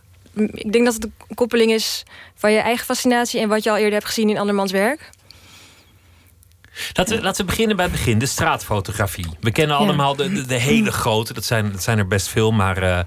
eh, Wino Grant of eh, Willy Ronis of Ja. Ed van der Elske. Van die mensen die vroeger rondliepen met een mooie camera op hun, op hun borst en gewoon foto's schoten van iets dat ze snel zagen gebeuren. Ja, Dat, dat genre dat, dat bestaat, dat floreert nog altijd. ja. Maar tegenwoordig is iedereen een beetje straatfotograaf. Ja. Met, met een mobiele telefoon. En maar dat is de- ook prima. dat, is, dat is een goede Ja, ontwikkeling. ja. ja. Ik vind het goed. Ik vind juist, ik, ben, ik, ik denk dat ik ook, ik, ik denk dat ik, ik ben best wel atechnisch. Ik zou niet, denk ik, zijn begonnen als het nog steeds allemaal analoog was en met, met een heel lang proces. Want ik heb het wel echt geleerd van een digitaal scherm. Ik heb wel dat, die feedback nodig om te kunnen weten wat, ik, wat mijn volgende beeld wordt. Tenminste, dat heb ik zo, zo heb ik het geleerd en nu kan ik het een beetje inschatten. Ehm, maar ik vind het juist goed dat het door de, door de techniek wordt het juist eh, laagdrempeliger. En dan krijg je ook hele andere soort fotografen of eh, mensen die niet per se heel technisch onderlegd zijn, maar wel dingen zien. Dat is juist goed. Wat voor, wat voor straatfoto's maak jij zelf? Ja, vind ik altijd heel moeilijk. Maar ehm, om, om uit te leggen in woorden. Maar ik denk dat mijn foto's die ik het zelf het leukste vind, zijn de foto's die het minst begrijpelijk zijn. Dus als mensen vragen van wat gebeurt hier, dan ben ik heel blij. En dan wil ik het eigenlijk ook niet echt vertellen. Maar bijvoorbeeld ehm, ja, een schaatster waarvan je geen gezicht ziet, een soort van zwart gat in plaats van haar hoofd. En er zijn soms ook foto's die ik zelf niet begrijp. Ik weet bijvoorbeeld, ik moet soms echt inzoomen om te kijken wat, wat daar nou is gebeurd. Absurdisme zit er heel erg in. Misschien, ja. Het is, het is wel degelijk echt en het is wel degelijk spontaan, maar het is. Als je het beeld ziet, denk je: hoe hoe kan dit? Die man hangt op zijn kop.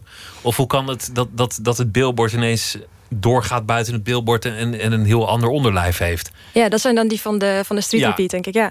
ja. En, en dat je daar dan in, in die street repeat ook heel veel van vindt. Ja. Van, van hetzelfde fenomeen. Ja. En wa- waardoor, je, waardoor je denkt, hè, en daar weer, en daar weer, en hoe kan dit? En het zijn allemaal van verschillende fotografen op hele andere plekken op de wereld. Ja. Hoeveel uur ben je daarmee bezig? Ja, dat is vind ik lastig om te zeggen. Want ik doe het heel vaak tussendoor. Als ik bijvoorbeeld eh, in de trein zit, ga ik eventjes snel eh, door, door wat foto's heen. En ik zit ook best wel veel op Instagram. Dus dit is ook heel slecht eh, voor als je verslavingsgevoelig bent voor, voor je telefoon. Ehm, dus heel vaak zie ik ook gewoon tussendoor dingen voorbij komen. Of iemand op Facebook post iets, dat lijkt daar weer op. En er zijn best wel, best wel veel groepen, ook op Instagram en op Facebook. En dat zijn een beetje van die gespecialiseerde groepen die ook wel gecureerd worden. Je ziet wel dat het wel een soort van hetzelfde soort kringetjes van mensen. Dus ik merk wel dat ik heel veel mensen heb waarvan ik dan eh, veel foto's heb. Dus bijvoorbeeld van één fotograaf meer van die thema's. Dus ik moet mezelf wel dwingen om ook daarbuiten echt een beetje te zoeken. Dat het niet steeds een soort van repeat wordt, ook van mij, van dezelfde fotografen. Over en weer. Maar je krijgt subgenres, je krijgt ook een bepaalde beeldtaal, mensen die elkaar imiteren. Ja. Maar hoe, hoe beïnvloedt dat jouw eigen fotografie? Want het lijkt me zo moeilijk om nog foto's te maken als je ziet dat alles al zo vaak gedaan is. Ja, dat is heel tragisch. Maar eh, ik, ik ben ook een beetje gestopt met het echte denken in originaliteit. Want ik denk dat je niet per se eh, origineel hoeft te zijn om heel goed te zijn. Ik denk wel dat je, dat je hetzelfde witte konijn kan fotograferen op een hele andere manier. Dat je alsnog dat je wel misschien geïnspireerd bent door een thema eh, waardoor een andere fotograaf ook geïnspireerd was, maar dat je het op een hele eigen manier kan vastleggen. Dus ik denk dat jouw eigen oog dan toch leidend is. Ehm, maar ik heb ook wel foto's gemaakt waarvan ik dacht van... oh, dat is echt leuk dat ik dat heb gedaan. Maar dan keek ik terug eh, in boeken of, in, eh, of ik zag weer een foto voorbij komen... die al veel eerder is gemaakt, die ook veel beter was. En met datzelfde thema. Dus Maar volgens mij is dit, dit is eigenlijk het, het grote vraagstuk van de hedendaagse fotografie. Wat kan je nog toevoegen in die, in die stroom van beeld? Dat geldt Ja. ook voor de persfotograaf, voor de portretfotograaf. Hoe kun je nog, hoe kun je nog opvallen? Hoe kun je nog eruit springen als er zoveel beeld is? ja, nou, je hebt natuurlijk steeds weer andere dingen die gebeuren. Dus je kan elke dag weer een nieuw beeld maken. Wat de wereld verandert. Ik Ja. weet niet of het de wereld verandert, maar het is wel weer een nieuw, eh, nieuw beeld. Maar je hebt wel weer nu weer, weer nieuwe manieren van. eh, Ik was net bij een avond over storytelling. Hele andere manieren van verhalen vertellen, waarbij misschien een foto weer minder belangrijk is dan het verhaal. Of dat je juist met andere media gaat werken. Dat je wel met beeld werkt, maar dat dan weer verspreidt over andere technieken. Dus meer met video en met VR en ehm, geluid. Dus je kan wel weer, ja, je kan wel weer door de techniek kan je wel weer vernieuwen. Maar ook daar zullen op een gegeven moment weer repeat dingen van, van komen. Ik denk dat alles uiteindelijk wat de mensen maken zich dan toch wel gaat, ja, gaat Vormen vormen, en- in bepaalde stromingen. Interessant. Street Repeat heet eh, het eh, account. Zeer de moeite waard. Laten we beginnen met eh, de vragen. Wil je alsjeblieft een kaart trekken? Ik zie ja, om wie moet je lachen? Dat vind ik moeilijk. Ga ik een andere doen. Heb je iemand wel eens bedrogen? Wat een vragen. Ehm, heb ik iemand wel eens bedrogen? Nou, ik probeer dat niet te doen. Maar ja, wat is bedriegen? Is het dan relationeel? Of is dat, eh, dat kan je natuurlijk helemaal zelf opvatten. Ja, er zijn heel veel vormen van bedrog. Oneindig veel vormen van bedrog. Ja, Fotografen bedriegen ook heel vaak. ja. Ja, ik hoop dat ik dan met mijn fotografie een beetje bedrieg. Dan. Ik Ja, hoop wel dat ik mensen op het verkeerde spoor zet. Maar ik weet niet of dat echt bedriegen is. ja, bij de ene fotograaf wordt het altijd als een soort ontmaskering gezien. Met name persfotografen hebben dat. Ja, Of, of als mensen heel veel hebben bewerkt. Dat kan tegenwoordig natuurlijk ook. Dat je gewoon gaat photoshoppen. ja. Ik weet niet hoe dat in de straatfotografie zit eigenlijk met eh, de mores over het bedrog. Ja. Ehm, ja, ja, je hebt wel veel voorbeelden van, eh, van bekende fotografen die dat hebben gedaan, waarbij het is uitgekomen. Maar ik zit te denken of ik dat zelf. Nee, ik heb, niet echt iets, iets eh, heel erg veranderd aan de foto. Je maakt wel soms een andere uitsnede of een ander kader, waardoor het eh, initiële beeld anders is dan het beeld dat je aflevert. Ja, dat, dat vind ik nog wel binnen de regels van, eh, van de Ja. sport. Ja. Maar eh, de eerlijkheid past wel bij jouw manier van fotograferen. Dat je het absurde moment treft. Ja. Of, of het spontane moment op een, eh, op een straat of een strand of waar dan ook. Ja. Laten we nog een vraag doen. Oeh, heb ik deze overleefd? Ik ben heel om me heen gedraaid. Eh, ben je vatbaar voor verslavingen? Nou ja, ik niet echt voor fysieke verslavingen. Dus ik heb niet echt een. Niet drank of drugs? Nee, nee. Ik, heb wel, ehm, ik heb wel gerookt, maar dan nou, niet eens echt gerookt. Maar gewoon heel af en toe bij de koffie of zo. Maar ik heb op zich wel geluk, denk ik, dat mijn ouders... die waren niet heel erg ehm, panisch meer dat ik niet zou roken. Ik denk dat als ze dat wel waren... Mijn moeder was dat een beetje, mijn vader veel minder. Die gaf me soms ook sigaretten voor kerst. En dan zei die, van, eh, die zei wel van... jij bent echt een idioot als je gaat roken. Ik rook ook. Maar eh, ja, als je er eentje rookt met je vader, vind ik het wel, eh, wel leuk. En dan gingen we bijvoorbeeld eentje in de tuin roken. En dan vond ik het, al, vind ik, vond ik het eigenlijk al niet zo heel lekker meer. Dus ik heb niet echt. Ik denk juist door die benadering dat het allemaal niet zo heel erg ehm, verboden was. Doordat het gewoon af en toe kon. Heb ik dat ook niet echt eh, als een soort van rebellie willen doen of zo. Maar de, de mobiele telefoon is natuurlijk de verslaving van onze tijd. Ja, En die is er ook op ontworpen. En Ja. al die apps zijn er ook op bedacht. ja. Er zijn allemaal onzichtbare touwen die aan jou trekken met, eh, met het groot kapitaal erachter. Ja. Maar daar word je uiteindelijk niet heel gelukkig van. Nee, je wordt er heel onrustig van, Ja. denk ik. Maar het Ja. voegt ook wel weer iets toe. Maar Ja. je zei ben- net, ik zit, ik zit eigenlijk heel vaak tussendoor op, op Instagram. Ja, nou ja, vaak eh, nee, ik- tijdens als ik echt aan het werk ben, kan dat niet. Maar wel op momenten dat je opeens tijd hebt, dan wel. En soms zit je ook echt loos te kijken. Dus ik ben op zich wel weer blij dat ik nu een soort van functie heb. Waardoor ik ook ja, mentaal verder kom. Of ik kan, wel echt, ik kan wel echt wat doen. Ik kan wel die foto's gaan ordenen. Dus het is wel op zich wel weer een goede bezigheid.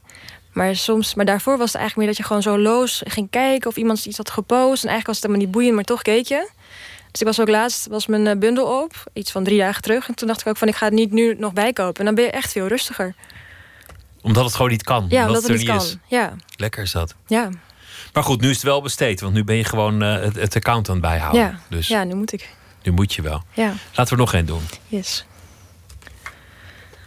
Wanneer heb je je enorm geschaamd?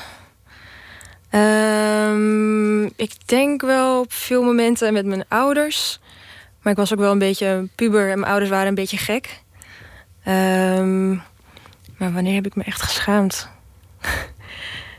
ja, op het moment dat... ehm, weet niet of ik dit mag aandoen aan mijn ouders, maar dat we... eh, ja, we waren ergens op een feestje en, en eh, ik had mijn vader toen meegenomen met oud en nieuw. Want eh, mijn moeder was er niet en hij was een beetje zielig. En, ehm, en toen ging hij mee. En, ehm, en toen waren we met vriendinnen aan het praten over... Het was een soort Italiaans feestje. En we waren aan het praten over allemaal, woor, allemaal ja, vertalingen voor, voor poep en plas. En dat soort dingen. Er was één jongetje bij, of een jongen bij. Die zei van, oh, kunnen we het niveau niet eh, wat, hoger, eh, wat hoger houden? En toen ging mijn vader net vertellen over een soort ja, als grapje over een soort rectaal examen. Maar toen ben ik, ben ik wel een beetje door de... Nou, niet door de grond gezakt. Ik vond de situatie wel grappig. Ehm, maar eh, ja, het was wel een beetje pijnlijk. Maar je zei net al... mijn- dat, dat gaat vergeven wat ik nu heb Nee, verteld. maar je zei mijn ouders die zijn een beetje gek. Wat, wat, wat, voor, wat, voor, wat voor gezin was het? Waar, waar kom je vandaan? Nou, ik kom sowieso uit Tsjechië. En ehm, ja, ik denk dat mijn ouders zijn ook alweer heel erg hele leuke mensen en hele eigen mensen. En ze hebben zich nooit echt geschaamd voor dingen. Maar daar heb ik me dan vroeger wel voor geschaamd. Ehm, maar ja, we zijn allebei artsen. Dus we, ja, soms wel moeilijk om, als ik het over fotografie heb, dan hebben zij het liefst over aorta. En we kunnen wel, wel, eh, wel binden, maar we zitten wel in aparte werelden. En zij wonen ook in Nederland, eh, je ja, ouders. Ja. ja. Andere wereld, maar, maar vrijgevochten nest, zo klinkt het althans. Ja, ergens wel, maar ook ergens wel heel traditioneel. Te blijven wel weer, Tsjechië is wel weer iets meer traditiegebonden. Ehm, dus eh, ze zijn wel een beetje bezig met kleinkinderen en waarom ik nog geen, eh, niet getrouwd ben en dat soort dingen. Dus dat zijn wel dingen waar we dan een beetje op mismatchen. Maar aan de andere kant zijn ze ook juist wel blij met dat ik iets heb gevonden wat ik leuk vind. Ze hadden natuurlijk liefst gehad dat ik arts was geworden. Of dat hadden ze leuk gevonden. Ehm, maar ik denk dat ze wel blij zijn met wat ik aan het doen ben. We doen nog een kaart. Yes. Hoe vaak google je jezelf? Eh, ja, soms. Eh, ook om te kijken of je foto's ergens worden gebruikt. Of niemand je, je beeld jat zonder toestemming. Ja, ja. Want soms dan kom ik wel eh, foto's tegen met naamsvermelding... maar die zijn bijvoorbeeld niet eh, aangekocht of zo. Dus daarvoor moet je het af en toe doen. En, maar hoe doe je dat dan als ze je beeld gebruiken zonder naamsvermelding? Dat, dat ze zelfs je naam er niet eens meer op zetten. Hoe kom je daarachter? Ja, hangt- nou ja, eh, je kan. Ja, ja, je hebt ook mensen die daar, daar een hele software voor hebben. Dus je hebt mensen die ook letterlijk daarvan heel vaak op vakantie gaan. Die kunnen dan een soort van software toepassen. En dan gaat een soort van. ja, een technologie gaat dan nakijken wie, eh, welke foto's waar zijn gebruikt. En dan gaat hij naar iedereen een factuur sturen. Dus dat kan je doen. Maar je kan ook foto's die, ehm, waarvan je weet dat die vaak zijn gepubliceerd. Die kan je dan weer invoeren in Google en daar gaat hij dan op zoeken. En dat doe je ook allemaal. Heel soms. Ja. Niet zo heel veel, maar ehm, ik kom wel eens foto's tegen die dan nog niet zijn afgeschreven bij de beeldbank. En dan check ik van klopt dat dat het nog moet gebeuren. Nou ja. Dat je daarvoor, of als je verwacht dat er een artikel op komst is of zo, dan check je wel eens of dat al is geplaatst. Heel logisch. Ja. Nog, nog een eh, vraag. Waar erger je je aan? Ehm, ja, vind ik moeilijk. Ehm, ja, misschien soms gewoon aan. ehm, ik, heb, ik heb soms dagen dat ik heel slecht überhaupt tegen mensen kan, maar dat is meer, dat, is, dat, ben, dat ben ik meer. Dat ik soms in de supermarkt ben en iedereen staat op een verkeerde plek. Of iedereen staat precies in mijn route. Dus dan ga ik helemaal soms helemaal omlopen, omdat ik geen zin heb om me door die mensen heen te wringen. Om je er langs te wurmen. Ja. ja. Dus dat is meer een soort logistiek. Ja, Nog één vraag, de, de, de laatste. yes. Vind je dat je genoeg verdient? Wat een dubbelzinnige vragen. Ehm, ja, nou ja, ehm, financieel is het dan? Of is het... Ja. Ja, op zich wel. Ja, want ik heb natuurlijk, ik, heb, ik werk ook bij RTL, dus dat is dan mijn, eh, mijn basis. En daardoor kan ik juist, ik sla heel, heel veel commerciële klussen af. Of nou ja, heel veel. Ik sla er, ik sla er af en toe wel wat af. Omdat ik, ehm, ja, ik wil wel nog mijn eigen werk blijven maken. Dus ik wil wel, zeg maar, ik was altijd een beetje bang als je fulltime gaat fotograferen. Dat je dan eh, dat werk niet meer leuk gaat vinden. Dus ik probeer wel alleen maar de klussen te doen eh, die ik leuk vind. En dan daarnaast vrij werk. En je hebt een soort basisinkomen voor de, Ja, voor de huur, de gas en het Ja, water en het licht. ja, Nou, perfect toch? ja. Dankjewel dat je te gast wilde komen. En eh, Yes. het, het is te vinden op Instagram op Street Repeat. En ook je eigen account en website zijn interessant. Jullie Rudova, dankjewel. Dank je.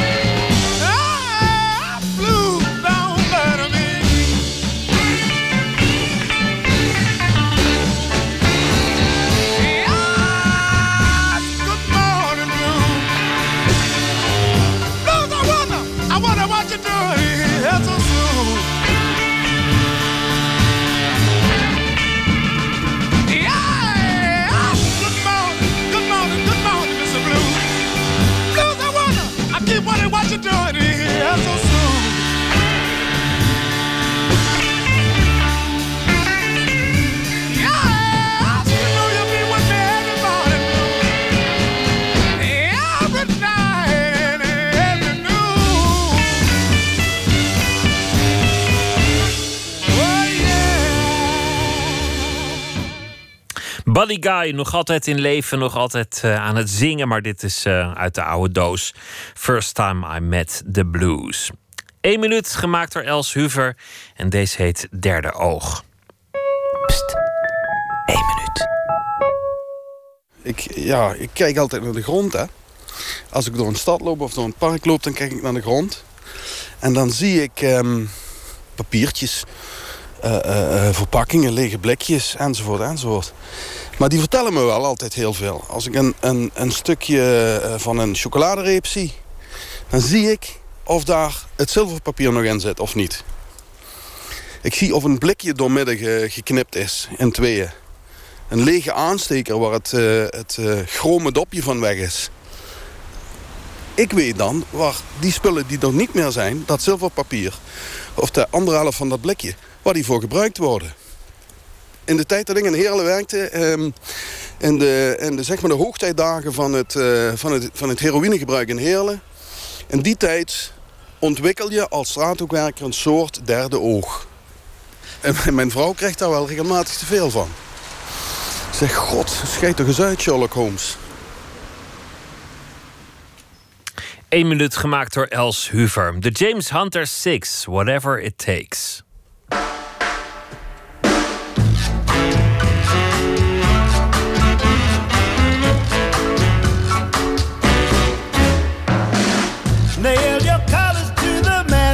And have a little faith in me. I don't give up so fast if there's one thing you can say for me. We're one step away from a better day. However long the night and whatever it takes, I'm gonna make everything alright.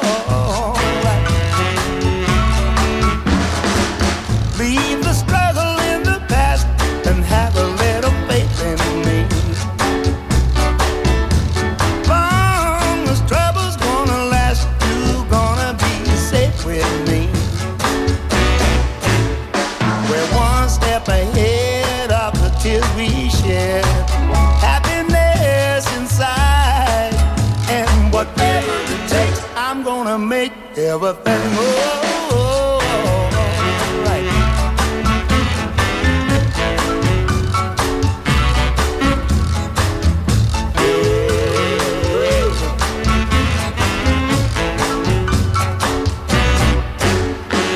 From the beginning's a whole swimming up against the tide, but nothing can be done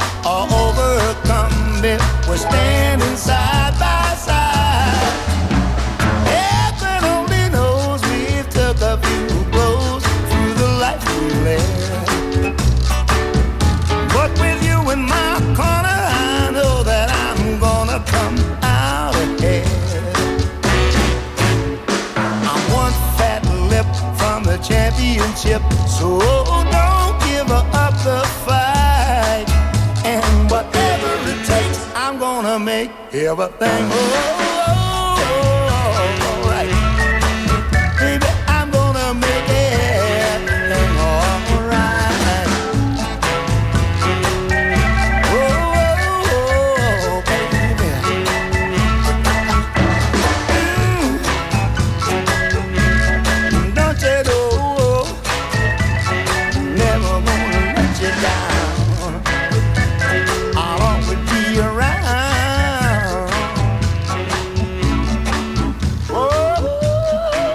De James Hunter 6, Whatever It Takes, hun eh, nieuwe single. En er komt ook een eh, nieuw album aan.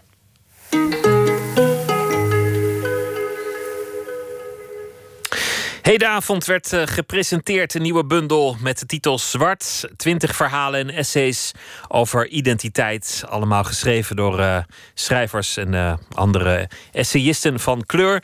Een zeer gevarieerde bundel en de presentatie vond plaats in Tivoli Vredenburg in Utrecht. Een van de samenstellers is schrijver Vangba Sharif. En hij schreef ook een verhaal over Liberia, het oorspronkelijke thuisland. Goedenacht, Vamba. Goedenavond. Hoe, eh, hoe was de presentatie? Hoe is het gegaan? Ik ben nog steeds ehm, eh, bij Tivoli. Eh, het is heel goed gegaan. Ehm, ja, het is nog nooit heb ik in Nederland zoiets bijzonders meegemaakt.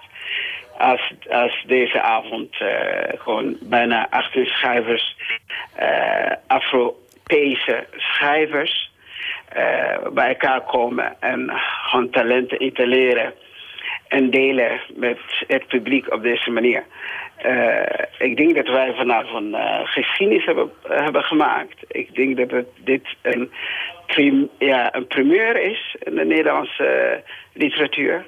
En, ehm, en ja, het publiek was echt heel erg enthousiast. ook weg van de bijdrage en de gesprekken die wij met elkaar hebben gevoerd over wonen in Nederland.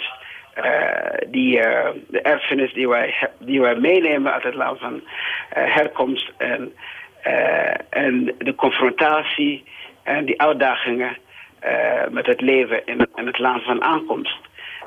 Het is heel, heel erg bijzondere avond geweest. Afro-Europese eh, auteurs zijn het. Het zijn, het zijn allemaal zeer verschillende schrijvers verder. Ik bedoel, ze hebben allemaal eh, min of meer dezelfde kleur. Ook, ook dat is eigenlijk nog, nog best wel gevarieerd. Inderdaad. Zeer verschillende verhalen, zeer verschillende eh, achtergronden. Ehm, in, in die zin is het een heel gevarieerde bundel. Maar het thema kleur, dat is, dat is eigenlijk de enige constante in, deze, in dit boek. Nee, nee, waarschijnlijk het thema is, zwart is niet alleen het enige thema. Wat ons bindt is eh, eh, identiteit. Hè? Gewoon, eh, gewoon navigeren tussen twee culturen. Hoor je dan in Nederland thuis of hoor je in Afrika thuis? Hoe ga je om met de uitdagingen van leven in een andere cultuur die niet de jouwe is? En ehm, eh, ontwo- ontworteling, de trauma's van de oorlog. Eh, Sommige zijn eh, van die eh, schrijvers zijn, komen cultuur ehm, eh, uit oorlogsgebieden. Dus al die verhalen bij elkaar. En inderdaad ook worstelen met zwart zijn in Nederland en de witte wereld. Eh, al die verhalen bij elkaar gewoon eh, werpen een, een nieuw en verse blik eh, op, eh, op het leven in Nederland en, en in België. Eh, en wat ook opvallende is, dat veel van die schrijvers zijn ook eh, vooral, de meeste zijn vrouwen, eh, jonge vrouwen. En, en dat is ook echt heel bijzonder. En een verrijking van Nederlands. Dat je gewoon echt ja, jonge, zelfverzekerd vrouwen hebt die echt gewoon best doen en een kans, met dit wonder een kans hebben ge- ge- gekregen om het talent met Nederland te delen. Het, het mooie vind ik van de bundel dat je, dat je via de literatuur zoveel meer eh, gelaagdheid en nuance en zoveel meer subtiliteit in zo'n eh, in zo'n onderwerp kunt brengen. Terwijl het Ja. tegenwoordig vaak gaat over eh, nou ja, heet, heet oplopende debatten en, en rottige tweets over en weer. Maar, maar hier kan je eigenlijk in alle subtiliteit bepaalde thema's over het voetlicht brengen. Ja, ja, ja. Zoals het verhaal bijvoorbeeld van eh, eh, de Lila Herman, eh, Hermans. Het vertelt het verhaal van een, eh, een donkere vrouw die dan naar een salon, een massagesalon gaat. En ze wordt gemasseerd door een blanke vrouw. En dat contact met, het blank, met de witte gewoon handen met een zwarte hand. Hoe ze dat op een heel subtiel manier beschrijft. En dat bewustzijn op dat moment, of eh, bewustzijn van haar zwart zijn, dat is ook echt eh, ja, een van de sterke verhalen. Maar daar niet alleen. Een van de grootste schrijvers, waar dan ook in de wereld, bijvoorbeeld Ahmed Al-Malik, heeft een heel bijzonder verhaal geschreven. Die heet De Tank. Ik denk dat niemand kan dat lezen. Uh, of nou in Nederland is, of uh, in Amerika, of, uh, of zelf in Afrika.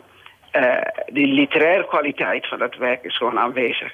En niet alleen die twee schrijvers. Je hebt andere namen als uh, Clarice, als uh, Sabrina Ngandari, als Olave. haar, haar bijdrage vond ik een van de, van de, van de mooiste. Olave Nwanje. En dus ik kan gewoon doorgaan. Het is allemaal echt, echt ze hebben gewoon best gegeven. En het is een geschenk Een, verrijking van de, van de Nederlandse literatuur. Ja, ja, ja, zonder meer. Zonder meer. Echt. En, en dit is echt, eh, ja, en, eh, is het een statement? Ik kan het niet zeggen of het een statement is.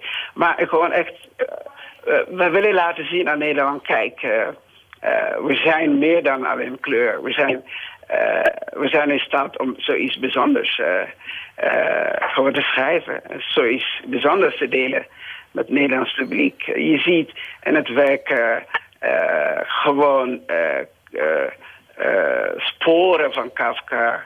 eh, dat hele eh, esthetiek van Chekhov. En eh, je ziet gewoon, ja, uh, Marquez, hoe hij, de precisie eh, van Marquez, die, al die sporen gewoon zie je terug in die, in, in die verhalen.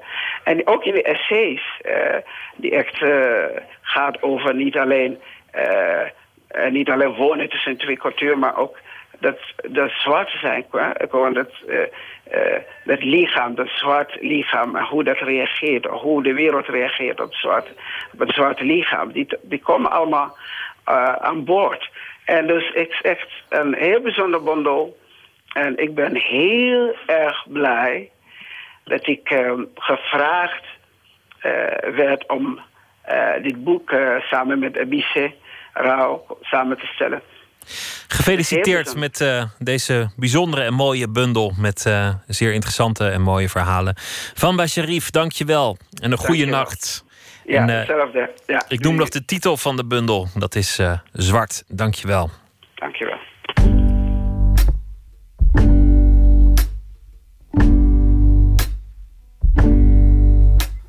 Stay right here. I'll be coming home soon. I just emptied my lungs to some empty room.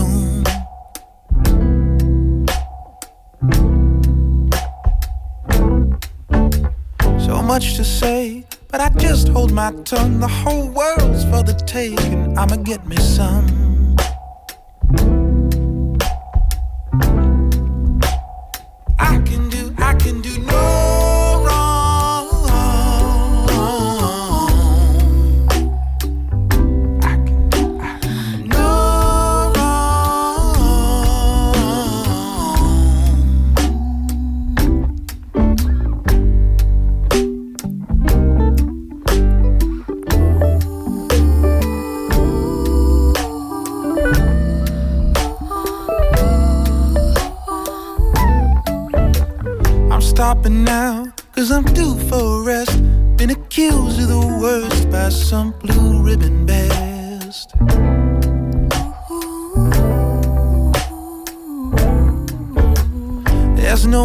Mystery, no, there's nothing at all.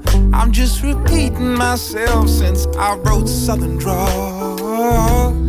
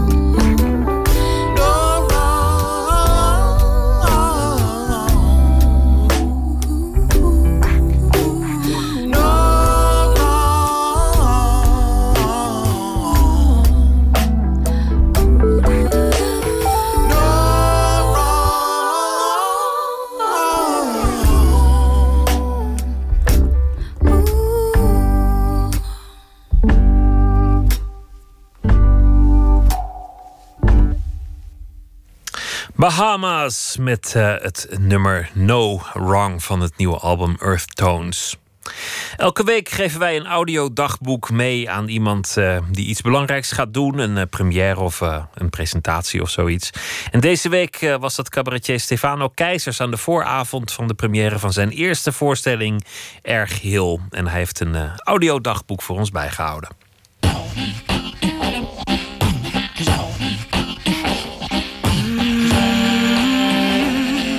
Woensdag 24 januari. Ik bevind mij in de kelders van het Herenlogement in Beuzegem, alwaar ik zo dadelijk de laatste try-out ga spelen voor mijn allereerste première. We hebben net in het aaneengesloten restaurant gegeten en ik had een hamburger met heel veel kaas erop. Ik twijfel of ik nog ga poepen of niet. De wc hier trekt niet heel erg goed door en er staat de hele tijd een mevrouw in de keuken dingen af te wassen.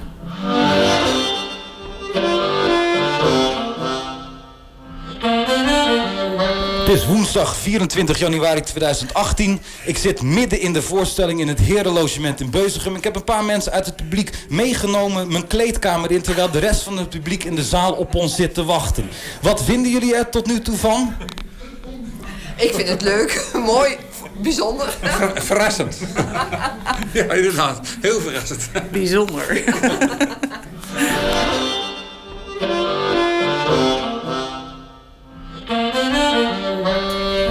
Donderdag 25 januari 2018. Ik zit nu in de visagie voor Jinek. We doen even een mooie basis. En de rest mag jij aanvullen. Jan had net ook het idee om een documentaire over de visagie te maken. Vind ik ook een heel goed onderwerp. ik, Ja. ik, ik denk dat jullie namelijk alle Ja. ins en outs weten van heel... Ja, maar dat is heel lastig. Want je- het is heel intiem eigenlijk, volgens Eigenlijk mij. wel, Zeker als ja. je dagelijks dezelfde presentator weten of zo. ook gewoon ja. bijna alles ja, nee, zie je wel. Ik vermoedde het al. Nee, maar ja. er, mag, er mag toch ook in ziekenhuis gefilmd worden, dus dan zal dit toch ook wel mogen? Eh, Tuurlijk, maar Ja. er wordt niet zo open gepraat als Nee. dat eh, Nee. wij normaal even de deur dichtgooien. Want we willen heel even vertellen wat er allemaal Ja. gebeurd is de Ja. tijd. Wij weten alles. We Ja, zijn dat- gewoon ja. psychologen. Hallo. Hallo. Hoi. Hallo. Charlotte, leuk te ontmoeten. Hey, ik ben Hi, Ik heb flyers. Yes, Ja. fantastisch. Ja, ik heb ze. Heel fijn. Nou, super jongens. Hartstikke leuk. Gaat het goed allemaal? Ja, zeker. Ja, ik kom net op de repetitie en eh, nou, wordt helemaal leuk, ja. Ongelooflijk.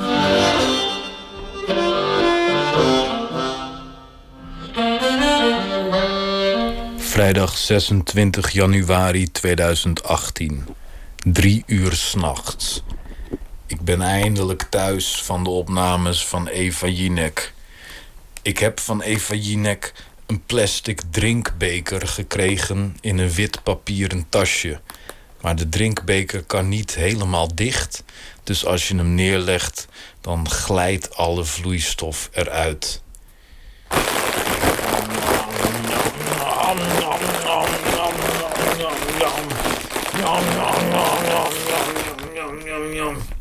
Plastic drinkbeker van Eva Jinek.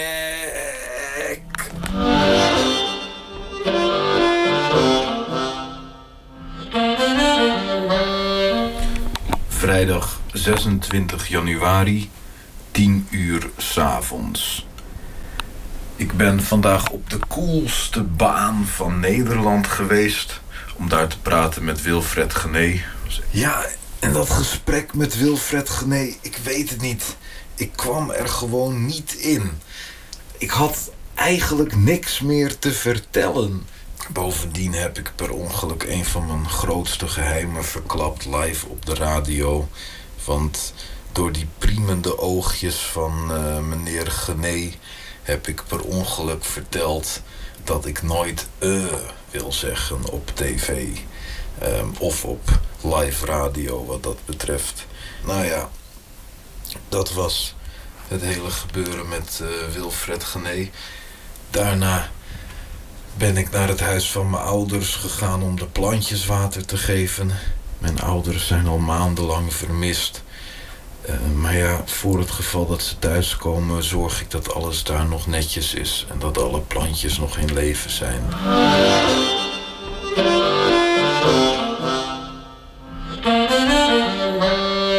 Zaterdag 27 januari 2018. Het is de dag van de première van mijn eerste avondvullende voorstelling. Erg heel. Het was eigenlijk de bedoeling dat ik vandaag om 11 uur ochtends met technicus Paul mee zou rijden naar Diligentia in Den Haag om daar alvast in de zaal te acclimatiseren. Het is nu twee uur 's middags en ik zit nog steeds thuis. Ik heb besloten om het rustig aan te doen vandaag. Het doet pijn dat ik deze beslissing heb moeten maken, maar ik voel dat het de juiste was.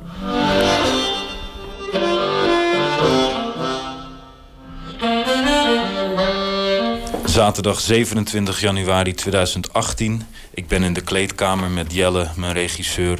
Het is 10 minuten voordat ik het podium opga. Ik ga mezelf even intapen en omkleden. Op de tafel liggen allemaal toi toi toi cadeautjes. Ik ben vergeten voor iedereen van het impresariaat iets te kopen. Ik weet nou niet, hebben we kwart over acht of half negen? Kwart over acht. Godverdomme, dat is al bijna. Ja. Oké, ik ga er vandoor. Ik, ik ga nu het podium op.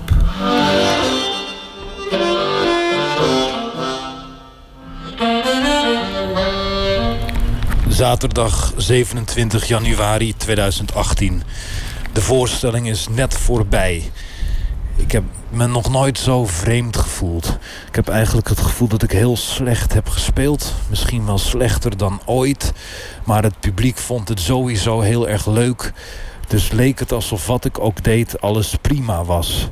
Ik merk dat er een vreemde, maar ook wel blije stemming heerst. En ik ga zo meteen naar het café om iedereen te spreken. En dan waarschijnlijk na een minuut of vijf voel ik me opeens fantastisch over vanavond en vind ik dat ik het goed heb gedaan.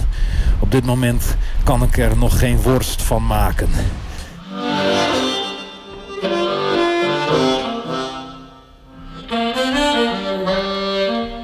Ik voorstellen, een vriend van mij die beledigd is door je voorstelling. Hallo, ja. je bent beledigd? Ben ik beledigd? Moet Oh, dat is meteen in de, in de opname.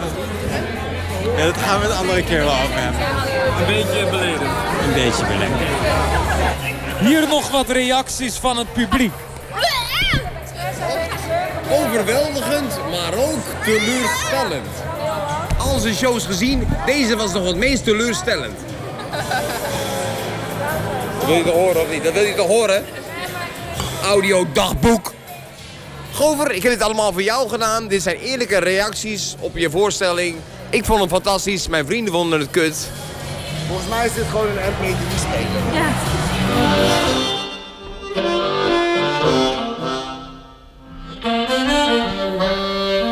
Maandag 29 januari 2018. Het is inmiddels 6 uur 's avonds.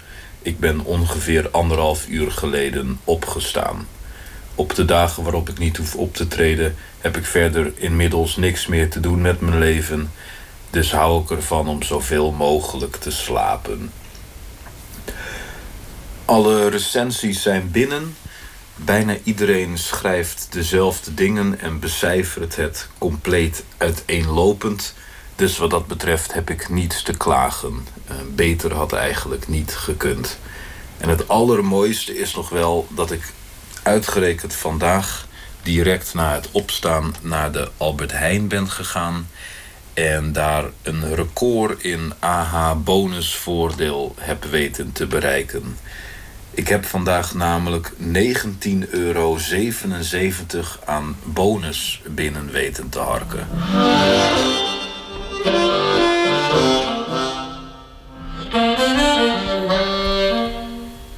Dinsdag 30 januari 2018.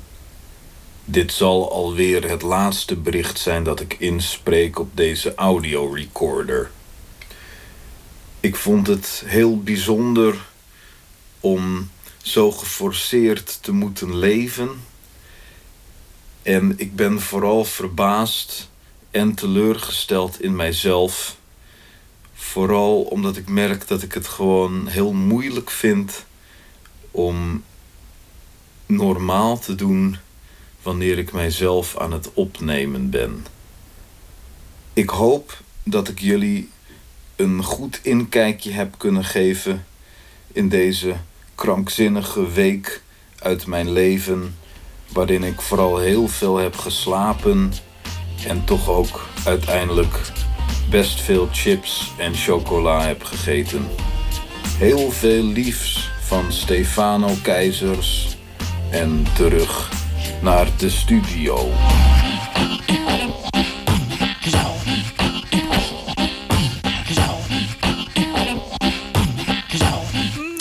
Stefano Keizers en zijn eh, belevenissen van deze week. De voorstelling heet Erg Heel te zien in Veldhoven, Delft, Waalwijk, Vlissingen en dan het hele land door. Poetry is no place for a heart that's a whore.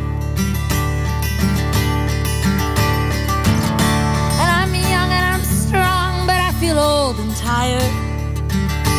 Overfired.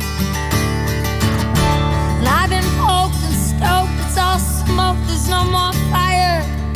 Only desire for you wherever you are. For you wherever you are.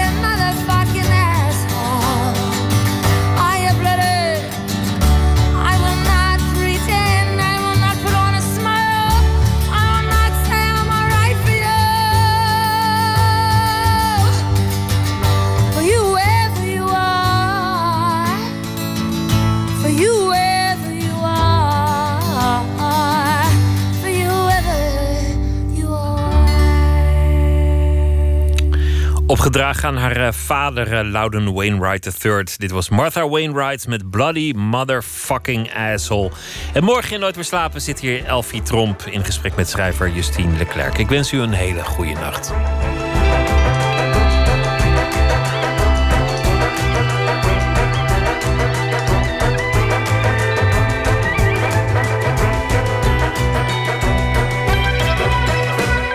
Op Radio 1, het nieuws van alle kanten.